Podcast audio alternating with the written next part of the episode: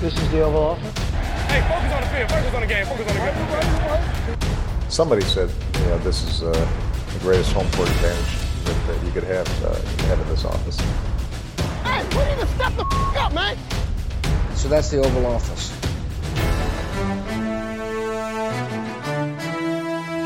Combine er overstået, og Free Agency venter. Hej og velkommen til denne udgave af Det Ovale Kontor, optaget onsdag den 6. marts, lidt i 5 om eftermiddagen. Hedder Mathias Sørensen, og med mig har jeg som altid Thijs Joranger. Hej, Thijs. Hej Mathias. Og øh, Anders Kaltoft.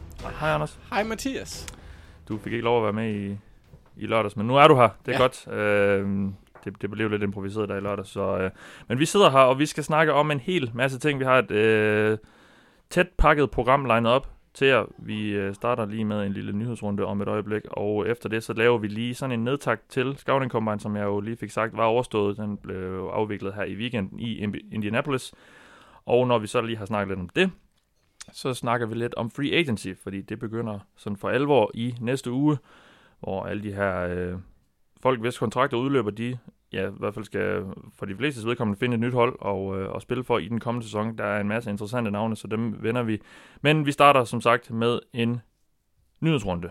Øhm, og vi starter lige med nogle fyringer. Der er sket en hel masse siden vi, vi snakkede. Øh, nu fører jeg lige nogle navne her, og så kan jeg jo så høre jer de her om, hvad I synes om dem. Øh, Michael Crabtree, Captain Monolin, Kevin Johnson, Sam Acho.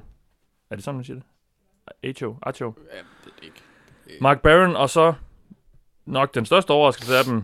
Ja, du snøfter allerede lidt. Uh, tirsdag aften kom det frem, at Baltimore Ravens skiller sig, har skilt sig af med safety Eric Weddle. Mm. Og så, det kan vi så... Uh, vi kan holde fast i det navn, Anders, og så kan jeg spørge dig, hvad du synes om det, fordi du er Ravens-fan. Jamen, Jeg er sådan lidt halvvejs deprimeret. Øhm, og samtidig fordi der, det, det, vi kan risikere, at vi får et helt nyt forsvar næste år, fordi der er virkelig mange profiler, øh, der står uden kontrakt. Mm. Ikke kun Weddle nu. Øh, CJ Mosley blev heller ikke Ja, tagget. han kommer til at snakke om om lidt. Ja. Yes, øh, og øh, Cedarius Smith kommer vi også til at snakke om lidt senere, hvor han højst sandsynligt heller ikke øh, får en... Altså, han, han bliver nok signet af et andet hold. Som også er linebacker. Ja, ja, ja, ja, rusher, ja, ja, ja. outside linebacker, Ja. ja. rusher, defensive end hybrid type. Gut. Edge-type, ja. Ja. Øh, han har, øh, så, men det er rigtig trist for Eric Weddle, fordi han er en fremragende person på, øh, på forsvaret, en, en, en fantastisk leder, og bare en, en, en generelt en good guy, og som, Ja. øh, som Dennis Korten, Kortsen, han var så høflig og vil øh, og byde velkommen til mig Nicolas, der er Ravens-fan hos Gul Klud, øh, i klubben af, hos hold, der har, der har cuttet Eric Weddle. Fans Og og hold, der har, der har godt Eric Weddle, ja. Yes, ja. og det, det er en meget deprimerende klub at være medlem af. Så jeg Ja. er ikke helt tilfreds med den, der jeg blev lidt ked af det, da jeg så det i morges, fordi jeg gik tidligt i seng i aften, i går. Så Hvad- jeg så det først her til morgen. Men hvad er bevæggrunden bag det? Det, det, det? det kan jo nærmest kun være økonomisk. Uh, ja, det er jo også umiddelbart det, jeg tror samtidig. Altså selvfølgelig er han oppe i alderen, og ikke den samme spiller, som han har været, men, men jeg synes, altså hvad er det, vi sparer 6,5 millioner på kappet, som jeg husker det, omkring 7, 6, 6 til 7. Det synes jeg ikke, det, det, det synes jeg ikke er, er stort nok hul, men det kan jo, altså hvis det resulterer i, at vi så signer CJ Mosley, så kan jeg jo ikke brokke Ja. mig alt for meget.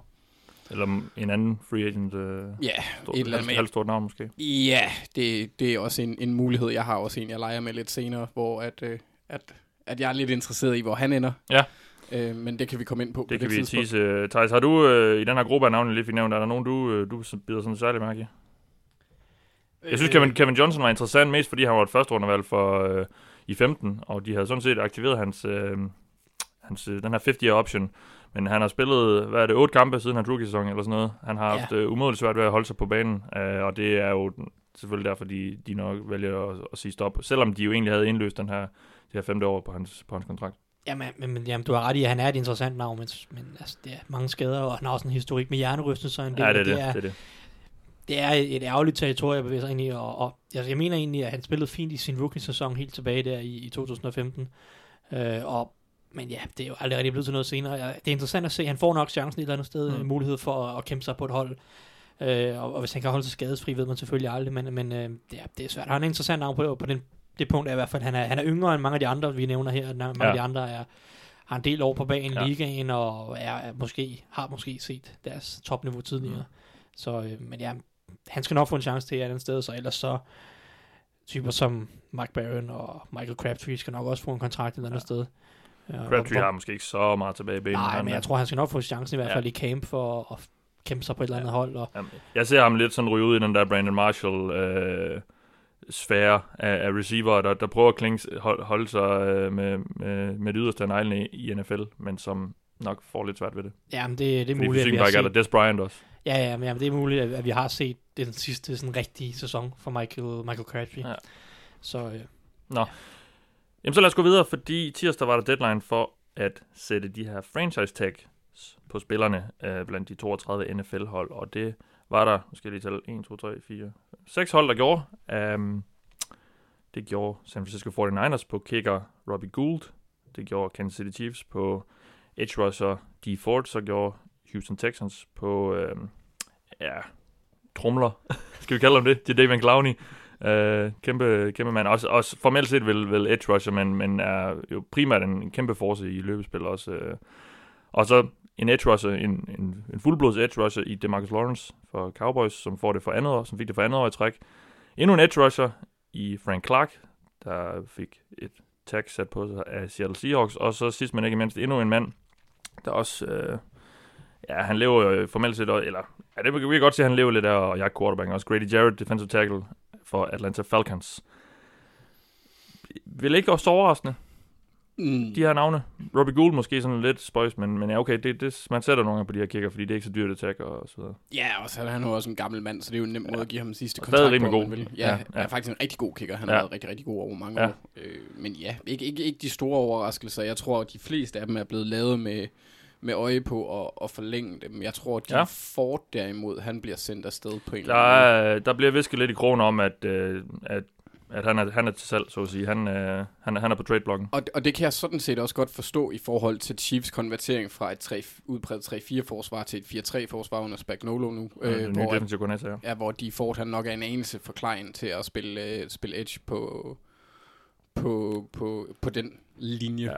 Og så synes jeg egentlig også, at han er helt ufattelig ustabil.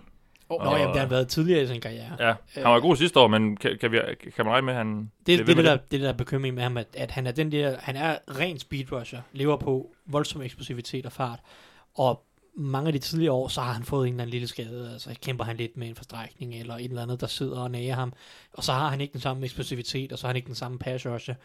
I 2018, der, der fungerede det for ham hele sæsonen, han var en force, og er en af ligaens tre bedste pass rusher, vel sagtens. Det der er med Chiefs nu, som du siger, det giver mening i forhold til, at de skifter fra 3-4 til 4-3, men det er sådan lidt så meget i nutidens NFL, betyder det måske ikke. Nej. Øh, og udover det, så har de jo også fyret Justin, eller der går rygter om, at de vil fyre Ja. Justin Houston. Så, som vi sidder her, er, er, det ikke afklaret, men der er kraftige rygter om, at han også på vej ud af, ja, af det, klubben. det, lyder til, at de prøver at trade ham, inden at de fyrer ham, men øh, hvis de ikke kan få traded ham, så fyrer de ham. Det lyder lidt til ved den situation. Så uanset om de, passer, eller de ikke passer så godt ind i 4-3 som i, som i 3-4, så er det bare meget talent, altså det er meget passion talent at, at smide på porten, og det er, øh, kan hurtigt gå fra en styrke til en svaghed på det her Chiefs forsvar, som har en hel del andre svagheder også. Så det bekymrer mig en lille smule, hvis man virkelig får, hvis man virkelig trader de Ford væk, og virkelig fyre Justin Houston, så skal vi ned til at, så det er ham der, Tano Passagnon, eller et eller andet. Ja, Passagnon.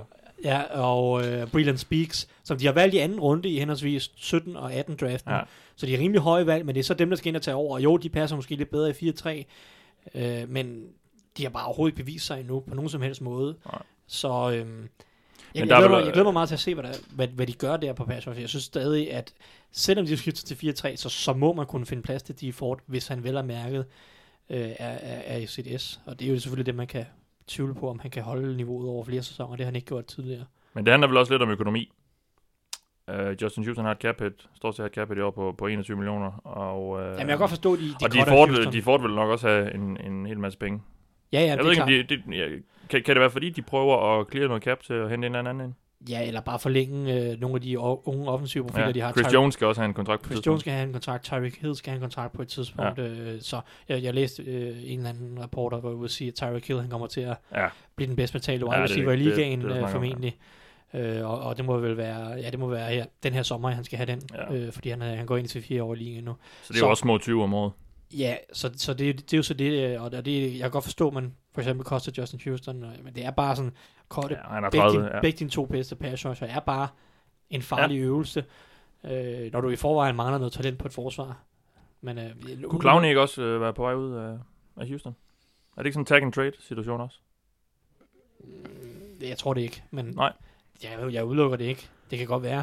De har også mange andre forsvarsspillere, der... Ja, de har bare så meget cap space. Houston, som jeg husker det, så har de øh, 50-60 millioner at brænde af, så jeg tror ikke, de har noget problem med, at- med have ham rundt, selvom at det Sean Watson skal have kontrakt om et par år og så videre. Men, så det, det tror jeg egentlig ikke. Jeg tror godt, Texans skal beholde ham, og jeg synes, det giver mening for dem at beholde ham. Jeg tror i højere grad, at de øh, ja, vil lade nogle af deres andre, de har allerede lavet nogle af deres andre spillere gå, men øh, på, på det forsvar. Ja. De har 67 millioner at gøre godt med øh, til Texans, næste år. ja. Ja. så, så man kunne godt forestille sig, at de kunne øh, presse Clowney ind under loftet Ja. der. Der er også en interessant situation i Dallas. Det er jo andet år i træk, at DeMarcus Lawrence får et franchise tag sat på sig, og han har øh, givet udtryk for, at han ikke har tænkt sig at skrive under på endnu et. Uh, Og de er efter sine ikke tæt på at komme... Øh, de er efter sine ikke tæt på hinanden i, i forhandlingerne om en ny langvarig kontrakt. Jeg kan ikke se Cowboys skille sig af med DeMarcus Lawrence. Det vil være utilgiveligt at gøre det på et forsvar, der i forvejen mangler lidt profiler hister her. Nu ved jeg godt, de fik øh, nogle spændende linebacker og sådan noget, øh, der kom frem i lyset sidste år, men i forhold til at jeg er quarterbacken, så er der ikke mange store profiler tilbage, og DeMarcus Lawrence, han har, han har været god. ja, de andre, de har, der også kan, de er, øh, har problemer med ting, de ikke må tage, som de tager. Det, øh, David Jamen, Irving er lad, lad os bare tage den nu. Randy Gregory kom jo frem i sidste uge, at han igen er blevet suspenderet for brud på ligens misbrugspolitik. Og indtil videre har jeg kunne se det her på ubestemt tid. Og Ja. øh, det er ikke første gang, så jeg tror, der går noget tid, før vi får ham se igen, hvis nogensinde. Ja, og det er, jo, det, er jo, det, er jo, det er jo en trist skæbne, men jeg ved ikke rigtig, de er aldrig rigtig så gode til at fortælle, hvad det egentlig er, de har taget. Nej. Må, Øh, det ikke, øh, må det ikke bare, han ikke kan holde sig fra det der... øh, Det der cannabis. Ja. Ja, det er det, man, det er det, jeg vil kunne forestille mig, men Ja. ja. så forstår jeg bare ikke, at han ikke har fået noget hjælp øh, på, en, på en lidt mere Ja. ja. intensiv måde. Spørgsmål, altså, men der er også forskel på, hvad ligaen kalder misbrug, og hvad Ja, alle ja, andre ja, kalder helt misbrug. bestemt. Men, men det, det, han er en større det- diskussion, det om, om man han ikke også det, bliver, det er noget af det, der bliver taget fat på i den næste øh, øh, overenskomst, der bliver lavet. Men, Øhm, men det var sjovt. franchise tags også. Helt sikkert, ja. Men- Og det er jo, øh, i, i, øvrigt, i forhold til franchise tag, så er dem her, som dem øh, vi nu har snakket om, de har fået, det er det, der hedder non-exclusive. Og det er jo sådan en lille, en lille teknikalitet, men det betyder jo formelt at de kan forhandle med, eller andre hold kan komme ind med bud og sådan Ja, noget. de men fleste det, gange er non-exclusive en lille smule billigere end det Ja. exclusive, så det er derfor, at holdene bruger det. Ja. Også, ja. og til dem, der ikke kom- er helt inde i franchise tag, så betyder det jo, at man som udgangspunkt, medmindre man kan blive enige om en lang, længere varende kontrakt inden en deadline, som ligger i, er det juli? Ja, midt juli. Ja. så øh, kommer de til at spille disse spillere på en etårig kontrakt, hvor øh, lønnen er gennemsnittet af de fem bedste betalte på positionen. Men mindre man hedder det, Marcus Lawrence har fået det for andet år i træk, så stiger den. Ja. Men man kan også sige, at Marcus, lige, lige med ham, der fik han jo ret sidste år. Han sagde, at hvis de kan lige så godt betale ham nu, for Ja. ja. ellers så han bliver jo Han, kun dyrere. Han, han er dyr næste år, ja. Ja. Og øh, i forlængelse af de her snakker om, hvem der får franchise tag, så er der også altid en diskussion om, hvem der ikke får dem. Fordi, øh, det er der jo rigtig, rigtig mange spillere i NFL, der ikke har fået, hvad er det 2.500 eller sådan noget. Men altså, der, der er trods alt nogle spillere, som øh, man har snakket lidt om, øh, kunne være udsat til at få dem. Og dem, som ikke har det alligevel, som dermed rammer free agency-markedet i næste uge, det er Giants' højt profilerede safety, Landon Collins. Så er der en trio af spillere i Patriots, som, øh, som der var snak om kunne få den. Trey Flowers er, er selvfølgelig nok den største, det største navn, eller sådan den mest, det er i hvert fald det navn, der kan komme ud og få flest penge på markedet, formentlig. Um, Trent Brown, offensiv tackle, er også en af dem, og kicker Steven Goskowski, som, som, Goskowski, som fik det sidste år. Og i Baltimore, CJ Mosley, fik det heller ikke. Um, så de her, ser- de her spillere, som jo er nogle ret... Goskowski fik det ikke sidste år. Han fik det, Var det for jo? det er for lang tid siden. Nå, det er okay, sådan noget 12 12-13 stykker. Ret sikker på. Tiden går hurtigt. Nå, han har fået det en gang før i hvert fald. Yes. Jeg tror faktisk, han har fået det flere gange også. Okay. Nå, jamen... Nej, fordi øh, det tredje tag ville så... Nej, det, han har Nå, fået det en pointen er, at han ikke har fået det i år. Um, så de her spillere rammer markedet. Forventer vi også, at de gør det? Eller Ja. dem alle sammen? Ja. Ja. Og også Jamen, forlader de jamen, klubber, de spiller i? Nå, ja, hvis de rammer markedet. Ja, ja, men altså også, de, de forlader de klubber, de, de nu har spillet i. Ja, Mosley kunne jeg godt være lidt tvivl. Jeg tror egentlig, at Baltimore vil, vil strække sig rimelig langt for at forlænge Ja. ja. med ham. Ja, jeg, jeg læste noget med, at ideen bag det, de har, eller har gjort, det er, at de vil ikke starte forhandlingerne på 15 millioner om året, som er lidt det, det franchise tag, det, det ligger til. Helt sikkert, og det giver også mening, fordi Mosley er ikke en, en linebacker. Han er ikke så god i opdeling på den måde, så han er en, en runstopper first, og, og, og det betaler man ikke 15 millioner om året for. Så, øh, så det, det giver fin mening, at Ravens ikke vil presse prisen helt derop. Uh, Landon Collins, han, jeg tror, han er, han er helt sikkert væk. Ja, han er og, vist... Og øh, David, det- David Gettleman, han er, Gettleman, han er, han hader bare defensive backs. Han nægter simpelthen at betale dem, og, og, eller drafte dem højt, nærmest uanset hvad. Øh, og, det var også det var den filosofi, han kørte i uh, Carolina, og de endte med en dårlig secondary, og de endte med at koste den. Ja. Jeg synes, som om han har tænkt sig at øh, køre samme strategi i, i, i New York, og jeg, jeg, tror, det er en, jeg tror, det er en ret stor fejl på det her forsvar. Ja. Øh, umiddelbart. Jeg synes, Landon Collins er en rigtig dygtig spiller. Jo, han er ikke Earl Thomas, free safety-typen, men han er overhovedet ikke dårlig i opdækning. Han gøre masser af ting for dit mm. forsvar, så han er en playmaker. Jeg tror, han, han er, jeg glæder mig rigtig meget til at se med safety-markedet, fordi det er, det er ikke noget, som holdene har de har ikke betalt safety super meget de sidste par år. Det var nærmest helt dødt sidste år. Præcis, men, men altså Landon Collins er en spiller, jeg vil betale en hel del for, ja. hvis jeg står og mangler en, en, en safety af, og også en, type. en kaliber af safety, som der ikke var der sidste år. Helt præcis, han er, han er en top 15 safety i NFL. Ja. Og, og han, er, undskyld, han er også kun 25, han er lige ja. blevet 25. Præcis, og, han, det er og det, sindssygt. Hvad, det var tilbage i, var det 16, han var en defensive player of the year kandidat, ja. hvor han virkelig, altså virkelig spillede fremragende. Ja. Så han har vist et niveau, som, som, som er ekstremt højt, mm. og som han siger 25. Altså, jeg, jeg, vil, jeg vil gå hårdt efter ham, hvis jeg mangler en safety. Ja. Øh, det må jeg sige. Jamen, jeg har lidt drømme. Jeg ligger lidt drømme om natten om, at han, øh, han liner op ved siden af Jesse Bates de næste øh, mange år i, i Cincinnati. Det synes jeg kunne være meget sjovt. Så, øhm, synes, synes du, I mangler en safety? Er det ikke bedre at gå efter en linebacker? Jo, vi kan også godt bruge en safety. Sean Williams, han er fin, men altså, jeg vil hellere have Landon Collins ved siden, af Jesse, ved siden af Jesse Bates. Nabberne fra Mosley. Men så, man, så, så forkælet får jeg nok ikke lov Ej, at Bengals være. har rigeligt med langsom run-stopping first. Så, så, så. Linebacker. Nå, hvorfor skal vi til at snakke om det? Det er en, en med, med god karakter. Det Al- mangler de. Alabama Blood. Ja, lige præcis. Rotard. Er I færdige? Næsten, jeg er lidt deprimeret over, at CJ Mosley, han ikke, hvis han forsvinder, ham kan jeg Jeg tror, han ender med at blive i Baltimore. Ja, det håber det jeg. har jeg sådan en med fornemmelse med. Han, han, han filmede i hvert fald sig selv forleden, hvor han ja. stod ude i I ain't leaving, ja. ja. Det, han, han, I'm going nowhere. Ja, så godt. Jeg, ja. kunne have været, jeg kunne have været varm i Alabama, men jeg er ja, her i sneen. Jeg har valgt at blive her. Ja, yes. Jeg tror ikke, han, øh, han, han går nogen steder ind. Jeg tror bare ikke, Baltimore de gider at starte forhandlingerne på, det kunne jeg også godt på en grundløn på 15 ja. millioner, som, som er det, som han står til at få på tag. Nå, skal vi gå videre? Det synes jeg. Vikings har benyttet en option i head coach Mike Simmers kontrakt, og den gør, at han nu øh, bliver i Minnesota et år mere, i hvert fald hans kontrakt øh, gælder for et år mere til og med 2020-sæsonen. Det synes vi vel er går ud fra, at vi synes er meget fornuftigt. Ja, yeah, altså jo mere simmer vi kan få i ligaen, jo bedre. Ja, sådan har jeg det også lidt. Men der er det pres på, for Vikings skal snart til at gøre noget med den her. Ja.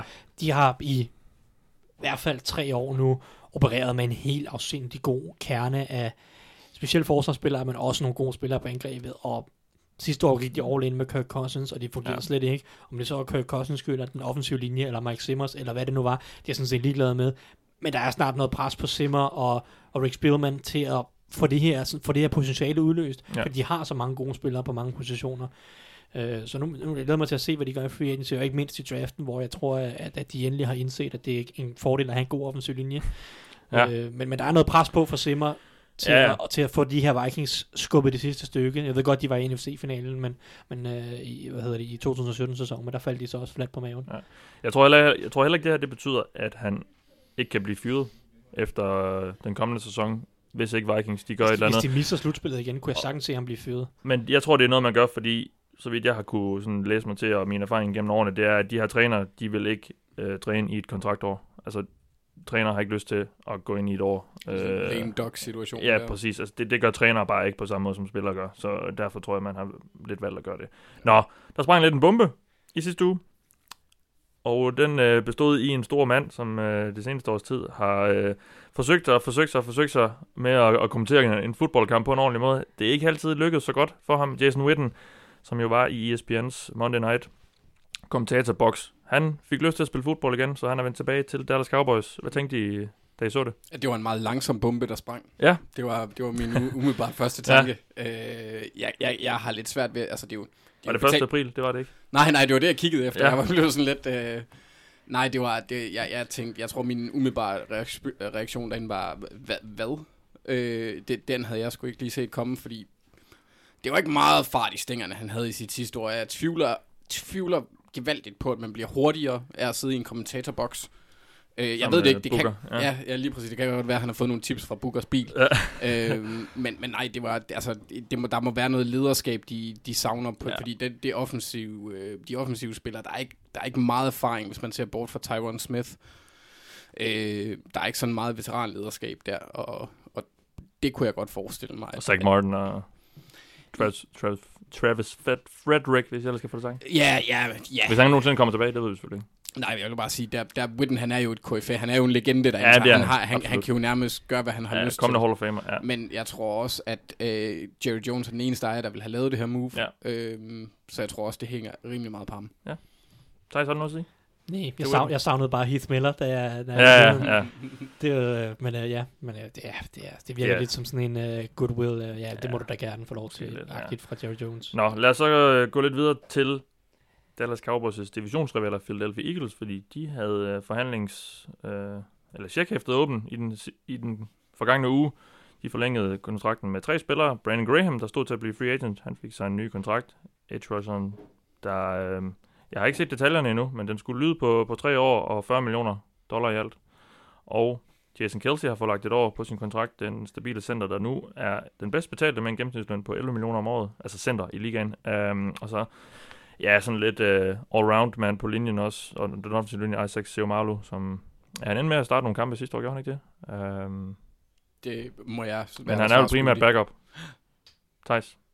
Ja, ja, jamen det er han. Jeg, jeg, jeg Men, jeg øh, øh, men- hvor mange kampe han startede, men, Men de, bænkede, for... Ja, de bænkede øh, Wisniewski på et tidspunkt, og jeg Ja. kan ikke huske, om det var Seu Marley, der kom ind, det var det sikkert. men vigtigt at få forlænget med, med Graham, måske, som jo har, er ved at udvikle, sig- udvikle sig til lidt af en legende i, i Philly. Ja, men han lavede selvfølgelig spillet Super Bowl, men Ja. ja. altså, jeg, har været stabil i mange år. jeg synes, det er en rigtig fin værdi. Tre år, Ja. ja. 40 millioner, det, det For en mand, der jo ikke lever på sex, men på pressures. Mhm. Så han er ikke så flashy på den måde. i, i høj grad øh, meget undervurderet i den forstand, at han, han er virkelig, virkelig en dygtig spiller. Også på løbet, han gør virkelig, virkelig mange gode ting.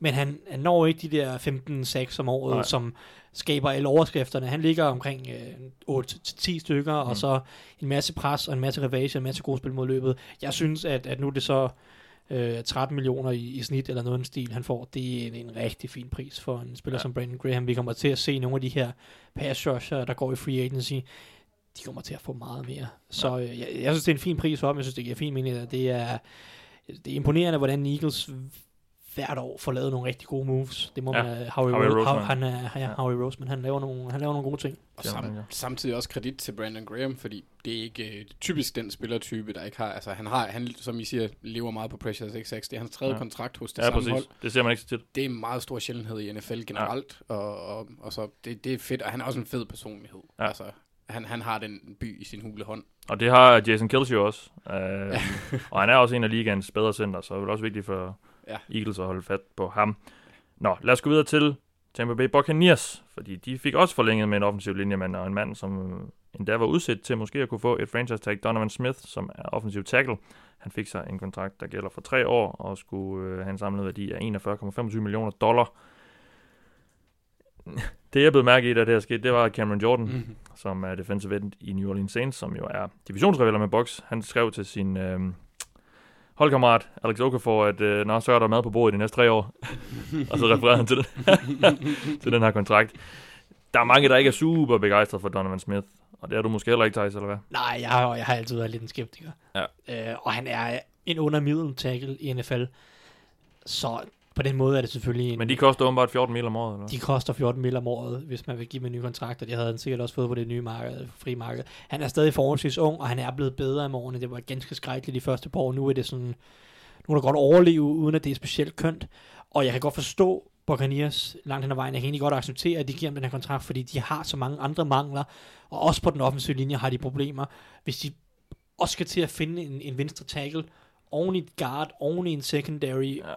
Oven i øh, potentielt linebacker, der har været Oven i et helt hold. Altså, der, der er masser af mangler på det her hold, og, på en eller anden måde, så er det fint nok at holde lidt stabilitet på den offensive linje i den forstand, så det, så det, så det er lidt færre ting, der skal ud og, ud og findes. Det er svært at finde en venstre tackle, og du kan godt overleve med Donovan Smith, og det er heldigvis kun en treårig kontrakt, som sandsynligvis kan han fyres efter to år, så Ja. de kan ligesom, nu tager det lige to år, hvor de kan fokusere på nogle andre ting, og så må de genoverveje situationen. Så på den måde kan jeg egentlig godt forstå, at jeg synes, det er en okay aftale, men altså, det er klart, det er en overpris, og det, så god er han ikke, men, men øhm, det, det, det, er jo nogle gange, nogle gange, nogle gange nogle af de kompromis, man må lave, at så må man overbetale en spiller, fordi man har ikke, man kan ikke også dække det hul øh, med en anden mand. Det sidste punkt, jeg har på dagsordenen, det er et, jeg modvilligt har sat på. fordi jeg gider ikke snakke om ham mere end højst nødvendigt. Men den øh, meget øh, velinformerede insider på ESPN, som hedder Adam Schefter. Han skrev for et par timer siden på sin Twitter-profil, at der er historier om, at der falder en handel på plads angående Antonio Brown øh, senest på fredag. Og det synes jeg er meget interessant. Øh, der har også, jeg har også hørt tidligere, at, at, man, at Steelers gerne vil have en, en handel på plads, inden free agency begyndte. Og der er vist også en deadline, er der ikke det, Thijs, i 17. forhold til noget, øh, til noget, til noget roster bonus Jo, og sådan 17. noget. marts. Ja, det er interessant. Jeg synes ikke, vi skal bruge så meget tid på ham, fordi det kan være, når vi øh, slukker mikrofonen her og går ud af studiet, så er der en eller anden trade der. Men det, Ja. det er da spændende, at der er noget under opsejling. Ja, det bliver spændende på to ting. Hvem der, hvem der er villig til Ja. at, at tage ham. Og, man, hvad og er de det et af de hold, der allerede er blevet meldt ud? Øh, hvad var det? Raiders, Redskins og Øh, 49ers har jeg hørt Ja. noget om. Titans vist også, synes jeg, eller et eller andet. Ja. Jeg, jeg, har bare, jeg har bare svært ved at se nogen af dem sådan, altså, hvis ikke han ryger til Colts, så kan jeg ikke se det andet lykkeligt. Øh, For ham. Øh, for nogen. Ja. Øh, fordi jeg tror, hvis han kommer til Redskins for eksempel, som er et kæmpe dumpster fire lige nu, de kan ingenting. Han vil jo gerne vinde, han vil gerne have en ny kontrakt. Ja. De har ikke rigtig penge til noget som helst. Hvad, hvad skal de gøre? Altså, det- der, det vil ikke give nogen mening fra min optik. Men det bliver spændende at se, hvem der, hvem der trykker på knappen, for der er nok nogen, der skal gøre det. Ja. Og hvad prisen bliver, trods alt, fordi altså, når, når de siger, at den er snarlig, så får man en eller anden idé om, at, at prisen er blevet presset en lille bitte smule op i forhold til, hvad vi ellers havde gået og troet. ja. Så, Men markedet virker jo ikke til at have været mega stort, så spørgsmålet er, hvad, ja, hvad hvad, Steelers har kunne, kunne presse ud af det. Men Ja, det bliver hvad- spændende at se i hvert fald. yes. Thijs, har du en, en kommentar til det? Nej, jeg synes, Nej, jeg har snart du ham. rigeligt, rigeligt, og ja, det, nej, det er, jeg snart træt af hele cirkuset. Er det derfor, du har bleget dit overskæg i, i dag? Nej, okay. Ja. Nej, nå. Skal vi så gå videre til Combine? Det lyder sjovere. Ja, men lad os gøre det, fordi der var jo en uh, scouting combine i Indianapolis i den forgangne weekend. Der skete en masse. Det, jeg vil starte med at gøre, det er at holde jer, eller ikke holde jer op på det, men uh, op, følge op på det, som I glædte jer til, da vi snakkede om det, før det gik i gang i sidste uge. Og Thijs, du, uh, du glædte dig til at se nogle... Uh, nej, ved du hvad? Vi starter faktisk lige med at få jeres overordnede take på, uh, hvad I synes om, hvad der skete. Så lad mig høre, Thijs. Hvad har du taget med dig fra weekendens begivenhed? Øh, jamen altså, generelt set, så prøver jeg ikke at tage alt for mange Nej, og det overreaktioner snakker vi også om, at man, at man ikke skulle. Ja. Det, det vigtigste er, hvad der foregår på banen, men øh, der var rigtig, rigtig mange spændende typer på den defensive linje og pass rusher, altså på edge-positionen. Det kommer ikke som en overraskelse, det har hele tiden været styrken øh, i, i draften, men jeg synes, der var nogle af de her midtrunde spillere, som, som præsterede bedre, end jeg havde forventet. Øh, og vi kommer også til at snakke om nogle af dem lidt senere, men, men der var øh, mange af de her du ved, top 5 var sådan nogenlunde man- man kendte nogenlunde top 5 øh, i, i forhold til draft, og så er der sådan som Montez Sweat, som brændte det hele Ja, af, Øh, og, og etablerede sig i top 5, han lå måske på kanten inden, øh, og så var der bare, men der var bare mange af, de lidt senere typer, som jeg synes var, var spændende, og de, jeg synes, det viser dybden, øh, i hvert fald i forhold til potentiale, der er bare rigtig, rigtig mange spændende navne, og nu her i, op til draften, jeg har set tæt på, på 20, 20 pass rusher, og der er bare, der er bare, der er bare mange spændende muligheder, mange spændende typer, mange forskellige typer, øh, så, så jeg synes bare, at, at, at og for, for mig, som sagt, så er det den position, der er vigtigst for Combine, fordi Ja. ja. atletiske evner betyder allermest, synes jeg. Så, øh, så, så jeg synes bare, der var mange spændende typer der, og det er, det er virkelig godt over, hvis du mangler en pass rusher. Der er mange, mange spillere, du kan tage et skud på. Anders? Jamen altså, øh, det, det, det, det læner sig lidt op af det, Tejs han, han, han startede med at sige, fordi jeg sidder lidt med følelsen af at have haft sex med et spøgelse. Ja, det, Sagde det, Thijs det? ja, nej, nej, det læner sig lidt op af det, Thijs han sagde. Okay. Øh, Hvordan gør det det? Fordi det føles fedt, altså sådan, øh, det føles fedt i momentet, når man sidder og ser Combine, og øh, man er sådan, bagefter, når jeg sådan tænker tilbage, så er jeg sådan relativt uforløst, og jeg er egentlig ikke sikker på, om det var så godt, som jeg huskede det. Okay, ja. Øhm, fordi, Nu kommer vi ind i nogle meget jamen, øh, mørke kroge af, af, af mit liv. Ja, ja, ja. Jamen, vi har, mig og spøgelser, vi har noget. ja, ja. Øh, nej, der var nogle fede tider, men der var også en masse af topperformerne, som for eksempel en, jeg kommer ind på senere, med det store monster, der hedder DK Metcalf, som i, altså, ifølge, ja. ifølge hans, øh, hvad hedder det, fedtprocent, er han et spøgelse. Han er Ja. død. Ja. Så, øh, så det er jo fair nok. Men, men han, han, der, der var nogen, der gjorde det rigtig godt på nogle punkter, og så knap så godt på nogle andre punkter, og man står bare sådan stadigvæk tilbage med, med følelsen af, hvad, hvad, hvad, hvad, hvad, hvad, hvad kan jeg bruge det her til? Okay. Ja. Øh, sådan anden end at bekræfte det, man ser på bånd. Fordi hvis det er sådan, at du er en af de typer, der bliver overvældet af, af Combine en, øh, en Al Davis-type, for at, at gå tilbage i, i historiebøgerne. Jeg kunne godt lide folk, der løb rigtig hurtigt. Ja, lige præcis. At det var Ja. ikke ham, jeg havde sex med. Bare lige sådan... Ja. Øh, så kan man godt Mens tage... snakker om DJ Metcalf. Ja, lige præcis. Ja. Ja. Øh, ja. Uh, Mathias, de billeder, du skaber. det er kønt. Nej, altså, hvis øh, Raiders havde haft first of all, så, så havde, og Al Davis stadig var i live, så havde han, øh, så havde DJ Metcalf, DK Metcalf været... Han var røget ved, ved nummer 4, hvis, øh, det, hvis han, havde, han, levede i dag. Det er Ja, ja, helt sikkert. Ja. Men, men det er sådan... Man, man får lidt... Enten så får du bekræftet de formodninger, du havde om spilleren, eller så får du sådan lige lidt sådan tid til at tænke over, hvad, hvad pokker gik der egentlig galt der. Øh, så det er jo sådan, det, men det, for mig er det, er det mere meget få spillere, man gør det med. Jeg tror, størstedelen af dem, de er nogenlunde på den position, de havde regnet med, de ville være ved, Ja. øh, ved draften. Så lidt status quo. Ja, lidt. En lille bitte smule. Ja. Men, Nå. men det, var, det var fedt. Det var det. Nå, og så lad os gøre det, som jeg lige var ved at introducere til, nemlig følge op på det, vi snakker om, vi, vil, vi glæder os til, Thijs, du glæder dig til at se pass rusherne. Ja, ja, ja, men øh, og, og de, som sagt, det leder op til mine forventninger på mange områder. Der synes, der var mange, af mange gode præstationer. Topnavnene leveret langt hen ad vejen. Nick Bosa, Josh Allen, gode præstationer. Øh, der var ikke nogen grund til bekymring der. Og ja, så ja, Brian Burns, også gode præstationer. Så på mange områder, så ja, det var dem, jeg gerne ville se. Det er dem, jeg er mest interesseret i. Det, det er nogle af de præstationer i forhold til tal, som jeg bruger allermest selv, når jeg altså positionsmæssigt, der er edge rusher, den position, hvor jeg kigger mest til combine, nogle af de tal, som, som kommer ud af den. Så jeg synes, der var mange gode præstationer, og ja, det læner mig lidt om, hvad jeg, hvad jeg snakker om Ja. før. Ikke? Anders, Ja. Yeah. du øh, var spændt på at se, hvordan Kyler Murray vil gøre det. Ja. Yeah. Kyler Murray, det er svært at sige, der er mange er. Nå, øhm, især i forhold til interviewsene. Ja.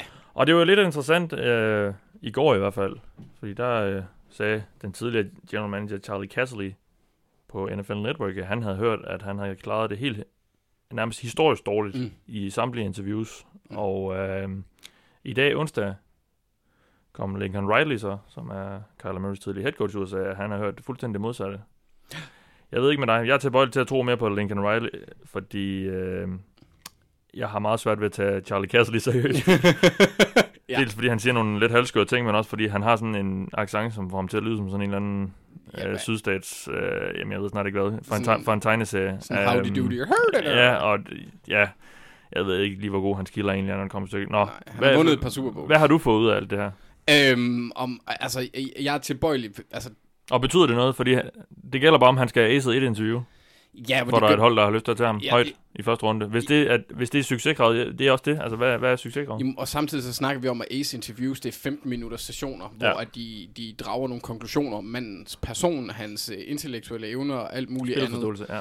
Yes, og det, det, det, det kan man sige en relativt lille periode. Jeg vil sige, jeg tror, at de mere tager, øh, tager de ting ind, som de, så, som de har samlet ind af informationer, når de har været ude på de forskellige øh, colleges, enten når de har været ved Texas A&M, dengang han var der, øh, og, og, og snakket med nogle af hans gamle holdkammerater, eller øh, hvad kan man sige, atletiske trænere og konditionstrænere og alt det der. Fysiske trænere, tak Ja. Anders, der var den. Øhm, så, øh, og hos øh, Texas, øh, Texas A&M og Oklahoma, øh, jeg tror mere, det er det, de bygger det på. Øh, det, man hører efter Combine, har jeg sådan lidt mere at tage med et grænsalt, fordi ja, er det mi- misinformation for at, at prøve at så en eller anden form for tvivl i, en, i hos et hold, der har et højere Ja. valg end Ja, en selv? Eller, Røgslør, ja. Men, men altså, det, det lyder jo lidt til, at han ikke har gjort det super godt på tavlen, og var alt for imponerende. Man må også sige, at han er ikke en person, der gør det godt til interviews.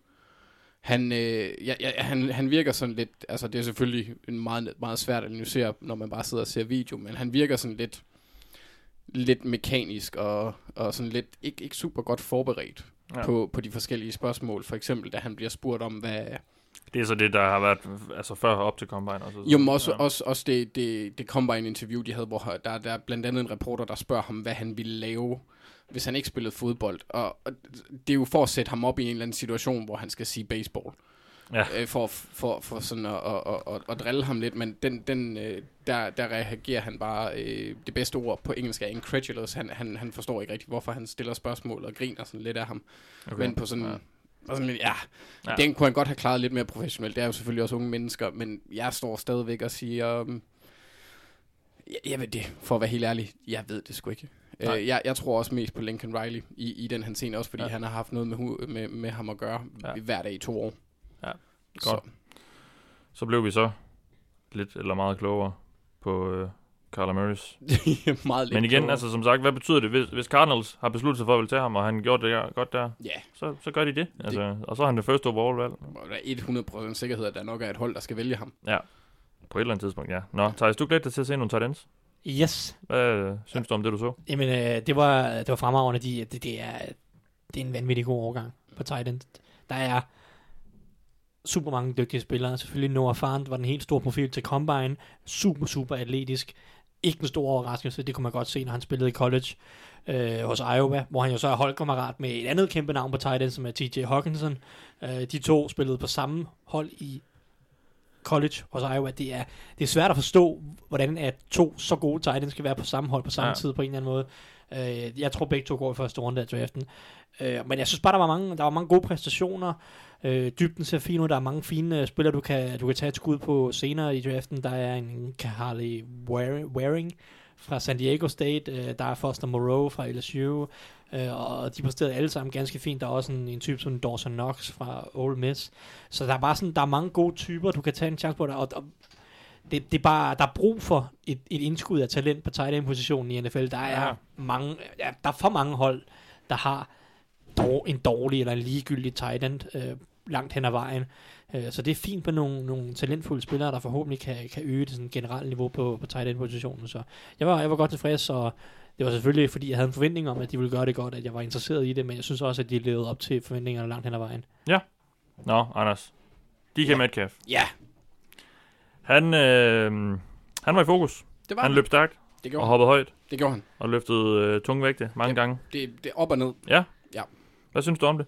Øh, det, var, det var lidt, øh, jeg vil sige, tiden han løb, øh, hans, hans 40 yard dash, det overrasker mig, at øh, den var, var så hurtig. Vi havde jo snakket om, at han tidligere var blevet timet til 40 eller 4-4-6, og han nok ville ligge 4-4-5 stykker, Ja. ja. eller 4-5 stykkerne der.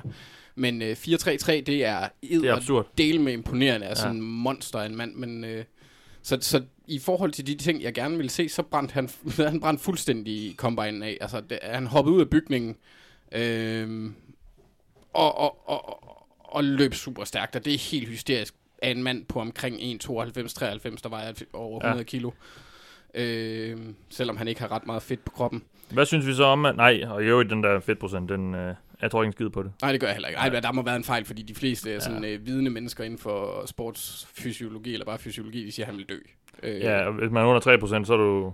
Så det kan man ikke. ja det, det, det er mere negativt, end det er positivt, ja, hvis det er sandt. præcis. Ja. Uh, hvad synes vi så om, at han uh, leverer øh, nærmest den langsomste uh, three cone og, short shuttle? Jeg synes, det, det, det jeg mest synes om det her, det var, at, øh, at uh, Tom Brady havde en bedre uh, three cone Ja, og, præcis. øh, og shuttle, end han Ja. havde. Så, så øh, øh, han, han bliver muligvis den bedste nogensinde. Quarterback. det, det må være det. Metcalf bliver den bedste quarterback. Ja, men Ja. han bliver den bedste nogensinde til det, han gør. Ja. Han, han, nej, øh, det er, det, det er selvfølgelig... Jeg havde ikke forventet, at han skulle være typen, der lavede øh, de små fikse Nej, nej, bevægelser og det er de ikke det, han- korte, det korte han skal. ruter. Nej, han skal løbe langt, og så skal han måske dreje lidt til venstre. Øhm, han Eller skal, højere. Jamen, ja, afhængig af, hvor på banen de tør stille ham. Jeg ved ikke, hvor Ja. meget NASCAR han har set, der kører de rundt i en ring. Det kan godt være, at han kun kan dreje til venstre. Det ved jeg Men ikke. var det ikke Jeg noget med, at han hele tiden også linede op i den samme side i college? Jo, Jo. venstre side. Ja, ja. Yes. Så, Så, kan, han så, skal løbe, så højre. han skal løbe til højre en gang Yes. imellem. Ja. Åh, ja, det bliver spændende at se, men hold nu kæft, det er et monster, altså. Ja. Men han skal nok, han skal, der skal nok være nogen, der, der er forelsker sig i ham og tager ham relativt højt. Ja. Men Det, men det sjove er med de der og de her agility test, hvor man skal skifte retning. Man kan godt se det, når man ser ham spille. Han, Ja. han har svært ved stiv. at komme ned. Ja. Han er stiv, han er svært ved at komme ned og ned i knæene, ind og ud af, af, af sine sin breaks øh, hurtigt. Og der, det er en af de bekymringer, der er med, med Metcalf, udover at han også har nogle andre bekymringer.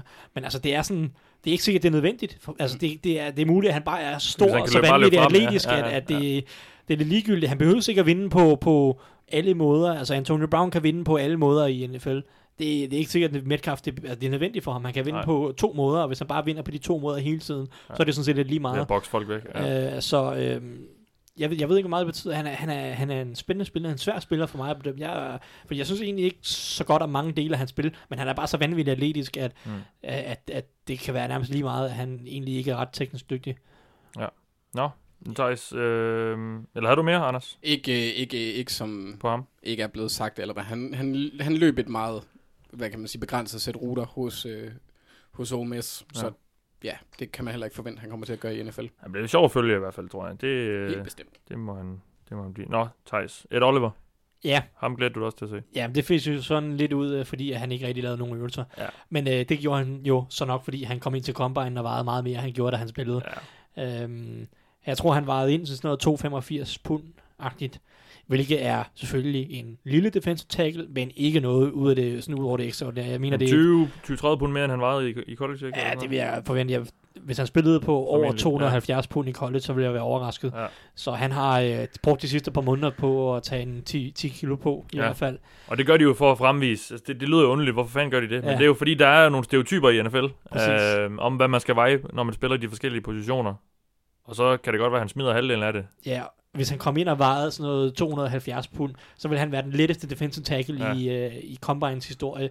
Og så vil alle Og alene skri- det, det vil, det vil skræmme nogen væk. det vil skræmme nogen væk, og Ja. alle vil skrive om det, og medierne vil gå helt op i, Ja. ja. uh, i, i en flint og sådan noget. Nu kom han ind og vejede 285 pund, så nu er der ikke nogen medier, der skriver om ham. Det er bare super, at han så overhovedet ikke laver nogen øvelser, fordi han formentlig er langsommere, end han normalt er, Ja. ja. ikke kan hoppe lige så langt, som han normalt gør, og ikke kan skifte retning lige så meget, eller lige så hurtigt, som han normalt gør. Det er sådan en anden ting. Ja. Uh, og så vil han lave de øvelser sikkert til sin pro day, og han har smidt 10 pund, og, Ja. og er tilbage på under 275, eller Ja. den, stil. Uh, så det er sådan, Combine virker. Det sjove er, at holdene selvfølgelig til, til Pro Day, der vil de selvfølgelig også tage en vægt. Men dem, der er til Pro Day, de er jo lidt interesserede i forvejen, så de går måske ikke Ja. så meget op i det. Nej. Og medierne vil ikke skrive så meget om det. Det er lige så meget hele den der... Han gider ikke have en, negativ medieshow omkring ham, bare fordi han vejer 275 pund. Uh, så det... Det var sjovt, og det var fint nok at Ja. se, at han vejede det der, men det kan ikke rigtig bruges til noget. Og han lavede ikke nogen øvelser, så øh, jeg fik ikke rigtig øh, tilfredsstillet min Nej. sådan, øh, interesse omkring Ed Oliver og hans. Fordi jeg tror, hvis han har lavet øvelsen til Combine, kunne han have sat formentlig adskillige rekorder. Jeg tror kun, han hoppede øh, høj, horisontalt, vertikalt. Jeg tror, han lavede de to øvelser, Ja. øh, og gjorde det godt i dem, men resten dem, dem alt det, hvor man skal bevæge sig, det, Ja. det gjorde han ikke. Og det var lidt det samme med Kyler Murray. Han kom også ind og vejede noget mere, end folk havde Også noget mere, end han gjorde i college. præcis. Og så lavede han heller ingen øvelser, og jeg kan da godt forestille mig, at han smider noget af det. Det sjove er, den der sammenligning med ham og, og, og, hvad hedder det, Russell Wilson, som vejede cirka det samme til Combine.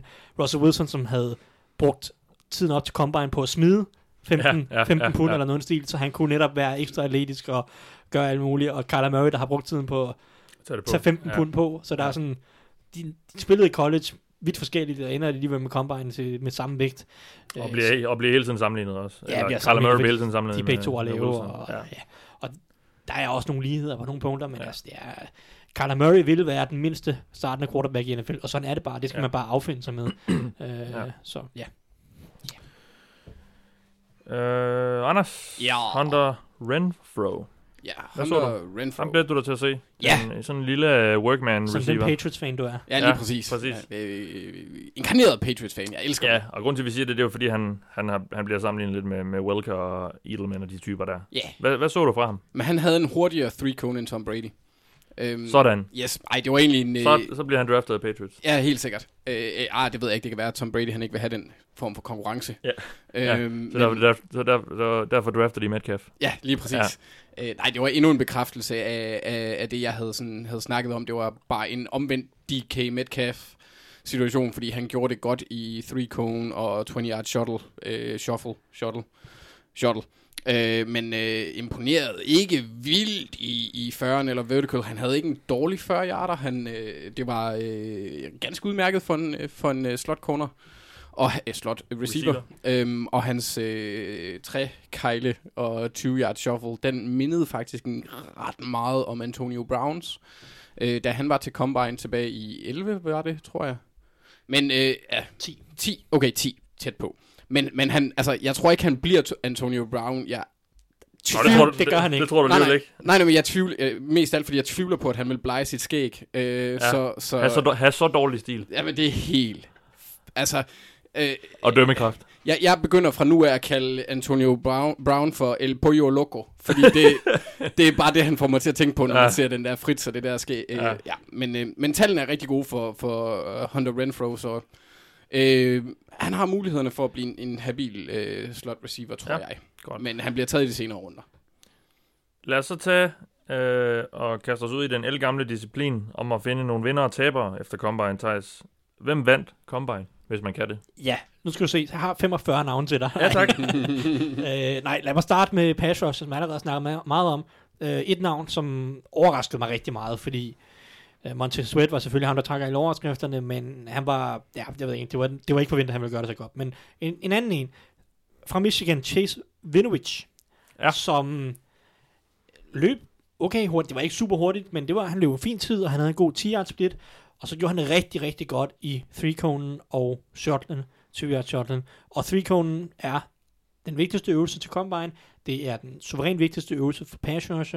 Øh, det at kunne arbejde med et lavt tyngdepunkt, skifte retning, accelerere, øh, det accelerere rundt om, om hjørner i, i små områder. Sindssygt vigtigt for pass og altså. Han gjorde det super godt i det. Og, det overraskede mig egentlig, fordi når, man, når, man, når jeg har set ham spille, så virker han ikke super eksplosiv. Han kunne godt øh, dreje sig lidt rundt om hjørnet. Altså, man kunne godt forestille sig, at han havde en okay 3-cone, at den er så god, som den er, og er overraskende. Og at han har en rigtig god 10 split, er overraskende, fordi han, han virker ikke super eksplosiv. Altså, når man ser ham spille øh, for, for Michigan, der er han sådan en, sådan lidt, en, lidt Clay Matthews. Jeg ved også, Clay, Clay Matthews, han gjorde det også fint til Combine, men bare sådan en tonser rundt, super sådan effort. Og har, hvid og har langt blond, og, præcis. og har langt blondt hår. Langt, hår, langt blondt hår og, og hvid. Øh, bare sådan teknisk, det er næsten for nemt at sammenligne ja, dem. Jamen, teknisk god, klog spiller, der bare tonser rundt og, Ja. og giver den 115% på hver eneste spil. Den type var han lidt. Og jeg var sådan lidt, jamen altså, sådan en spiller kan godt starte i NFL. Lad mig tage ham i 3. 4. runde. Ja. Øh, men med de her tal, der bliver han lige pludselig meget mere interessant, og, og kommer formentlig til ikke at gå senere en anden runde. Jeg vil ikke blive chokeret, hvis han kunne snige sig ind i bunden af første runde. Øh, ja, og jeg skal tilbage og se mere med ham, se flere kampe med ham, fordi jeg, var- jeg, var, jeg var overrasket over, at han var så god atletisk, som han var. Fordi den type virkede han ikke til at være, når man, når man så ham spille. Så for mig er han en kæmpe stor vinder, og jeg, jeg er meget interesseret i at se, hvor han egentlig, øh, hvor han egentlig ender hen. Ja. Ja. Han er, fordi, han, fordi han er en klog spiller og en teknisk god spiller, så hvis man har den atletiske upside oveni, så, så begynder man at, at, at kunne snakke om en, en rigtig, rigtig solid spiller. Jeg så, jeg så øh, sidste år, der så jeg så lidt af den serie, All or Nothing, hvor de havde fulgt Michigan. Mm. Og det var så i forrige sæson, øh, hvor også Chase Winovich var der en af, en af ligesom, ligesom der er folk i, øh, i Hard Knocks, man følger, så var han en af dem, man fulgte også der, sammen med, sammen med Rashawn Gary, i øvrigt, som også er de større, mere profilerede Michigan-navne i år, i års draft. Og der, øhm, han virker utrolig kar- karismatisk også, og, og netop, netop også sådan en high motor guy, der bare tonser rundt, og ja, så, Præcis, men han han er en leder, og jeg ved, han spillede det sidste halve, øh, sådan halv, halvdelen af sæsonen, sidste halvdel af den sidste college-sæson, spillede han med en eller anden mindre skade. Nu kan jeg ikke huske, hvor den helt præcis sad henne. Men i, da sæsonen var færdig, så i januar, så fik han en eller anden mindre procedure for at fikse et eller andet, så han meldte også afbud til Senior Bowl. Øh, men han er jo så tydeligvis kommet sig og var klar til Combine øh, til at præstere. Og det er jo sådan, måske endda endnu mere på imponerende, fordi han har haft mindre tid til at træne til Combine end mange af de andre. Ja. Øh, fordi han så har været under kniven i, i januar måned. Så jeg, jeg, jeg er meget imponeret. Øh, Jeg skal tilbage og se noget mere med ham, fordi han, han er spændende, også fordi han passer godt ind i Steelers. så Chase Winovich, det er en af dem, man skal holde øje med. Anders, øh, har du en vinder? Øh, der var igen ligesom, altså, øh, der var mange, der, der, der gjorde det ret, ret godt, og jeg kunne egentlig, jeg har, jeg har valgt at tage Devin Bush, som er linebacker og holdkammerat med Chase Winovich, og jeg kunne egentlig godt samle Devin Bush og Devin White sammen, øh, Ja. fordi det er sådan nogenlunde de samme sådan ting, de simpelthen blæste igennem. De havde nogle sindssyge 40 yards. Devin Bush har en på, hvad var det, 4-4-3, og det er pænt hurtigt, selvom han er en bitte linebacker, så det er pænt hurtigt. Ja. Øhm, øh, ja, øh, god fodboldintelligens, solid takler. Øh, ja, øh, kan, han, han kan lidt, har jeg læst mig til, også lidt set på film, at han kan have svært ved at, at, at, at blive fri fra blokeringer, og, og kan være lidt, lidt rå i opdækningen. Men han har de, sådan, han har de atletiske færdigheder. Ja. Ja. Hvis fodboldintelligensen, som øh, de kloge folk de siger, er relativt høj hos ham, så har han godt potentiale for at være sådan et, en, en god version af den moderne linebacker i NFL. Ja. Elsker Devin Bush. Han er Ja. en af mine absolut favoritspillere i draften. Ja. Kommer til at være en top 5 spiller for mig, når vi, når vi er færdige med det hele her. Yes. Så jeg, jeg, jeg elsker ham. Jeg synes, han er fremragende. Nå, men lad os lige køre, få kørt nogle navne igennem, så Thijs, har du, har du nogle flere, du vil nævne? Øh, ja, safety fra Virginia, der hedder Juan Thornhill. Øh, Ja. Testede også rigtig, rigtig godt. Når man ser ham spille for Virginia, klog spiller, ekstremt mange, altså gode borgskridt, virkelig dygtig til at finde bolden i luften, lave interceptions. Øh, man så, når man så ham spille, var man lidt i tvivl om, hvor meget fart har han egentlig. Kan han være en, en dyb safety? Kan han dække nok, når han ligger dybt? Øh, det viser han til Combine, at han absolut kan. Han løber en rigtig hurtig 40 yarder, s- hopper sindssygt højt, sindssygt langt. Rigtig gode uh, three-cone shot. Han testede helt vildt godt. Øh, og jeg havde ham i tredje runde inden Combine, og jeg, jeg, hvis han ikke går i top 50 nu, så vil jeg være chokeret. Ja. Ja. Jeg kunne sagtens se ham snige sig ind i bunden af første runde også. Virkelig en god Combine øh, for Ju- Juan, Juan Thornhill. Ja, den ligger Øh, ikke så godt i munden. Det ligger ikke så godt i munden, fordi det er der Juan og Ja. så en, en lyd bagefter. Ja, ja. Den, øh, den er ikke så god, men øh, Juan Thornhill fra Virginia. Ja. Øh, Og så har du også nævnt Noah Fant og Brian Burns. Ja, det er sådan nogle af de store navne. Noah Fan Ja. har vi nævnt. Testet rigtig godt for en, for en tight end. Kommer sikkert til at gå i top 20. Brian Burns. Det, der er interessant med Brian Burns, det er ikke, at han testede godt. Det var sådan nogenlunde forventet. Det, det er, at han, han kom ind og vejede en del mere, end han gjorde i college, og stadig testede godt. Fordi han spillede med en vægt omkring 230 pund i college, hvilket er meget lidt for en, en. Mm. en, en pass rusher, en edge-spiller. Og man kan også godt se, at han manglede en hel del styrke, når han spillede. Så kommer han ind til Combine, vejer over 250 pund. Øh, det er ikke usædvanligt, som vi allerede har snakket om, at de tager en del på. Men at han så tager en del på, godt, ja. og så stadig tester helt vildt godt. Ja. Og at der var meget af den her vægt, han havde taget på, der så reelt ud. Du ved, hvis det bare er øh, vand, drukket, vand, ja, vand ja. og fedt, eller hvad man skal Ja. sige, så kan man godt tænke, jamen det, det nytter jo ikke noget, det hjælper jo ikke noget, og den vægt kan de ikke holde eller noget, men jeg har læst, at der var flere, der sagde, det her det så reelt ud, det er muskel, det er, det er noget, han kan, det er, det er en vægt, han ville kunne formentlig kunne, ville kunne fastholde i løbet af en sæson, øh, og så tester han stadig så godt. Det er en stor sejr for ham, at, at vægten holder, mens han stadig tester godt. Øh, og Ja. jeg ved ikke, så, og så Garrett Bradbury i centeren, vi, vi sad og så Hjalte en hel del, Ja. men, men, Bradbury, men han fik også meget ros. han fik meget ro, så han ja. er en dygtig spiller. Han er, han er lidt lille, han er ikke så stærk, men han bevæger sig sindssygt godt, og det så vi også. Ja. Han er en vinder, der godt kunne snige sig også op i top 50 af draften. Ja. Og den sidste vil jeg nævne, øh, som jeg egentlig, jeg har overhovedet ikke set ham spille øh, endnu. Jeg har, ikke, jeg har ikke kigget på wide receiver stort set udover Metcalf. Øh, det er en wide receiver fra Ohio State, der hedder Paris Campbell, som løb den hurtigste 40 yard tid, mener jeg, for, for wide receiver. Øh, og, og folk begynder, inden Combine, der var ikke rigtig nogen, der nævnte ham i top 5, top 10 blandt wide receivers, og han var sådan, ham tager med på dag 3. Og lige pludselig så er der nogen, der snakker om, at han kan gå i ja, bunden af første runde eller anden runde, bare fordi han er hurtig. Du ved, NFL elsker de der receiver, der bare Ja. kan løbe sindssygt hurtigt. Men der er vel også lidt af det, man kalder, på engelsk kalder recency bias. Altså, Helt sikkert. Og ja, som Man, sagt, nu, jeg, man jeg, har lige set den gør det godt, og så er han lige pludselig godt. Helt sikkert, god. og jeg har ikke set ham spille, som sagt, så jeg ved ikke, hvor meget det her er reelt, men jeg så nogle rimelig respekterede draft-eksperter sige, kunne sagtens ende i, i altså tæt på første runde, bare fordi ja. han er hurtig. Ja. Og han er sådan lidt en Percy Harvin-type, øh, med det begrænsede, jeg har set, når jeg har set Dwayne Haskins spille og sådan noget. Øh, så, men altså, Som er quarterbacken for som er quarterbacken for Ohio State. Ja. Så jeg har set ham lidt, men jeg har ikke kigget nærmere på ham, og jeg Nej. ved ikke, altså han er bare hurtig, og det kan NFL godt lide, så Godt. jeg udelukker ikke noget. Anders, har du flere, du vil nævne som vinder? Ja, jeg har, jeg har altså sådan, ham jeg regner med, der bliver mit største draft crush i år. Øhm, han er tæt på lige så høj som Mathias. Så cirka to meter. Ja, han har lange muskuløse arme som Mathias.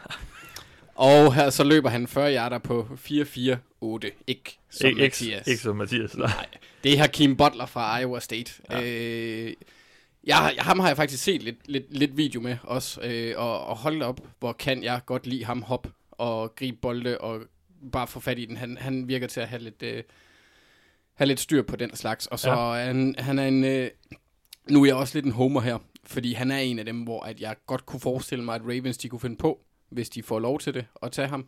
Fordi han er et, øh, et stort Mathias-lignende monster øh, som kan, og det giver så en, kan man sige, en kasteradio, som Lamar Jackson, man kunne håbe, han kunne ramme, i forhold til hans øh, præcisionsproblemer. Ja, Øhm, og så, så i forhold til Metcalf, der løb han lidt mere divers rutetræ hos, øh, hos Iowa State. Ikke, øh, ikke voldsomt meget, men, men han havde også nogen, hvor han skulle men mere end bare løbe lige ud. Ja, og han har en anden form for eksplosion, når han kommer ud af sine, øh, ud af sine breaks. Øhm, Ja. Hvor, hvor at, øh, at Metcalf, han, han som sagt virker relativt stiv. Ja. Øhm, så ham, ham glæder jeg mig rigtig meget til at se, hvordan, øh, hvordan det hele forløber med, Ja. med, med ham. Men øh, fascinerende spiller også, fordi han er det der fysiske monster, der har fart i stængerne. Har du, er der flere, vi skal have nævnt?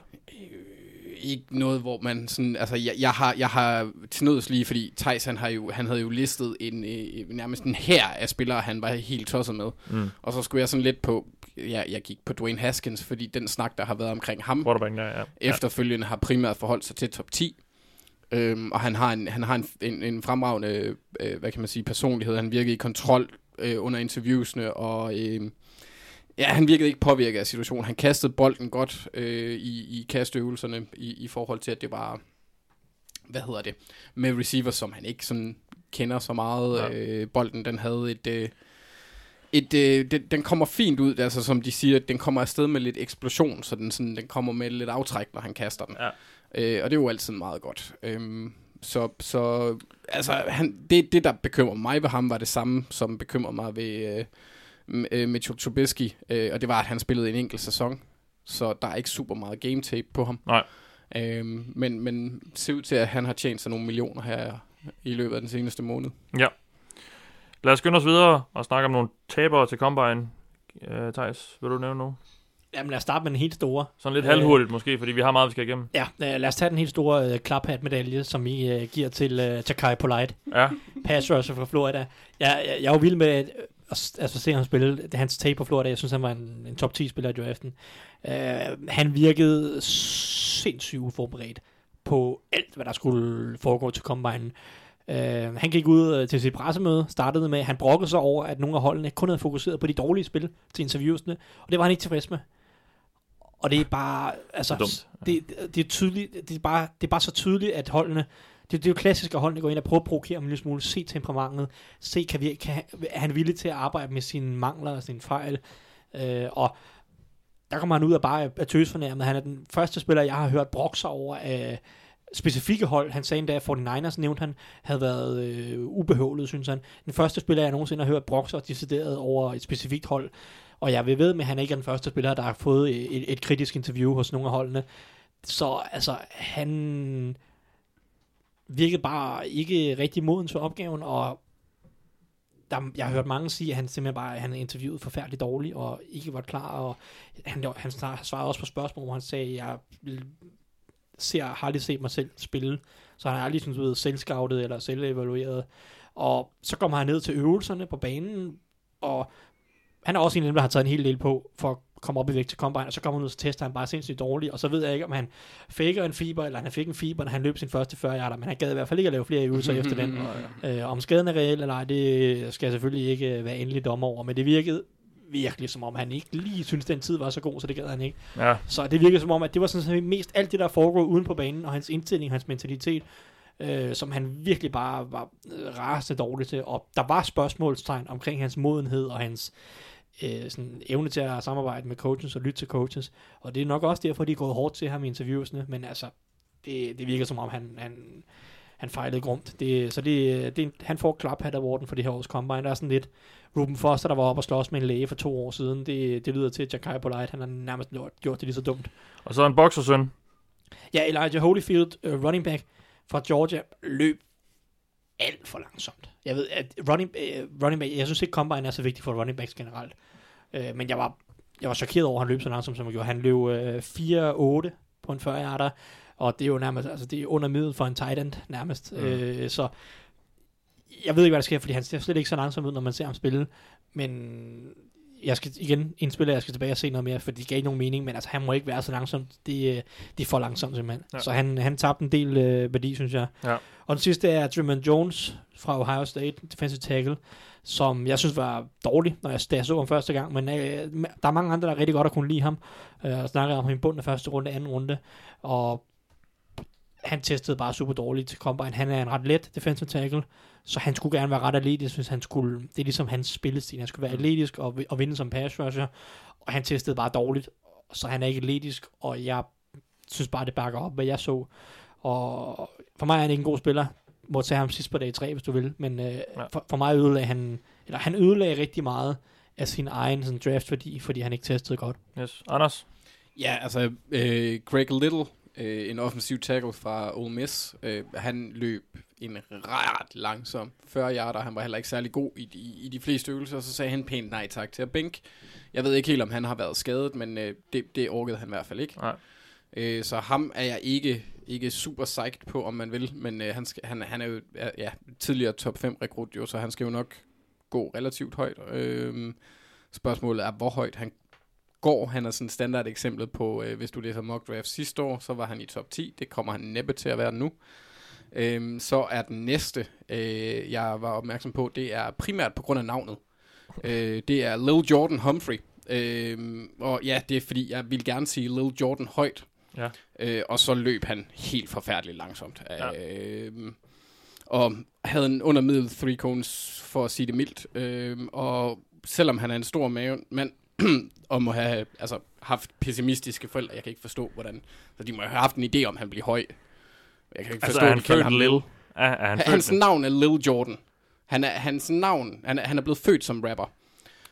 øhm, men, men jeg, jeg var lige inde og finde en, øh, en der er de der øh, æderkoppespins sammenligningspunkter, Ja, øh, hvor, ja. de, hvor de navn.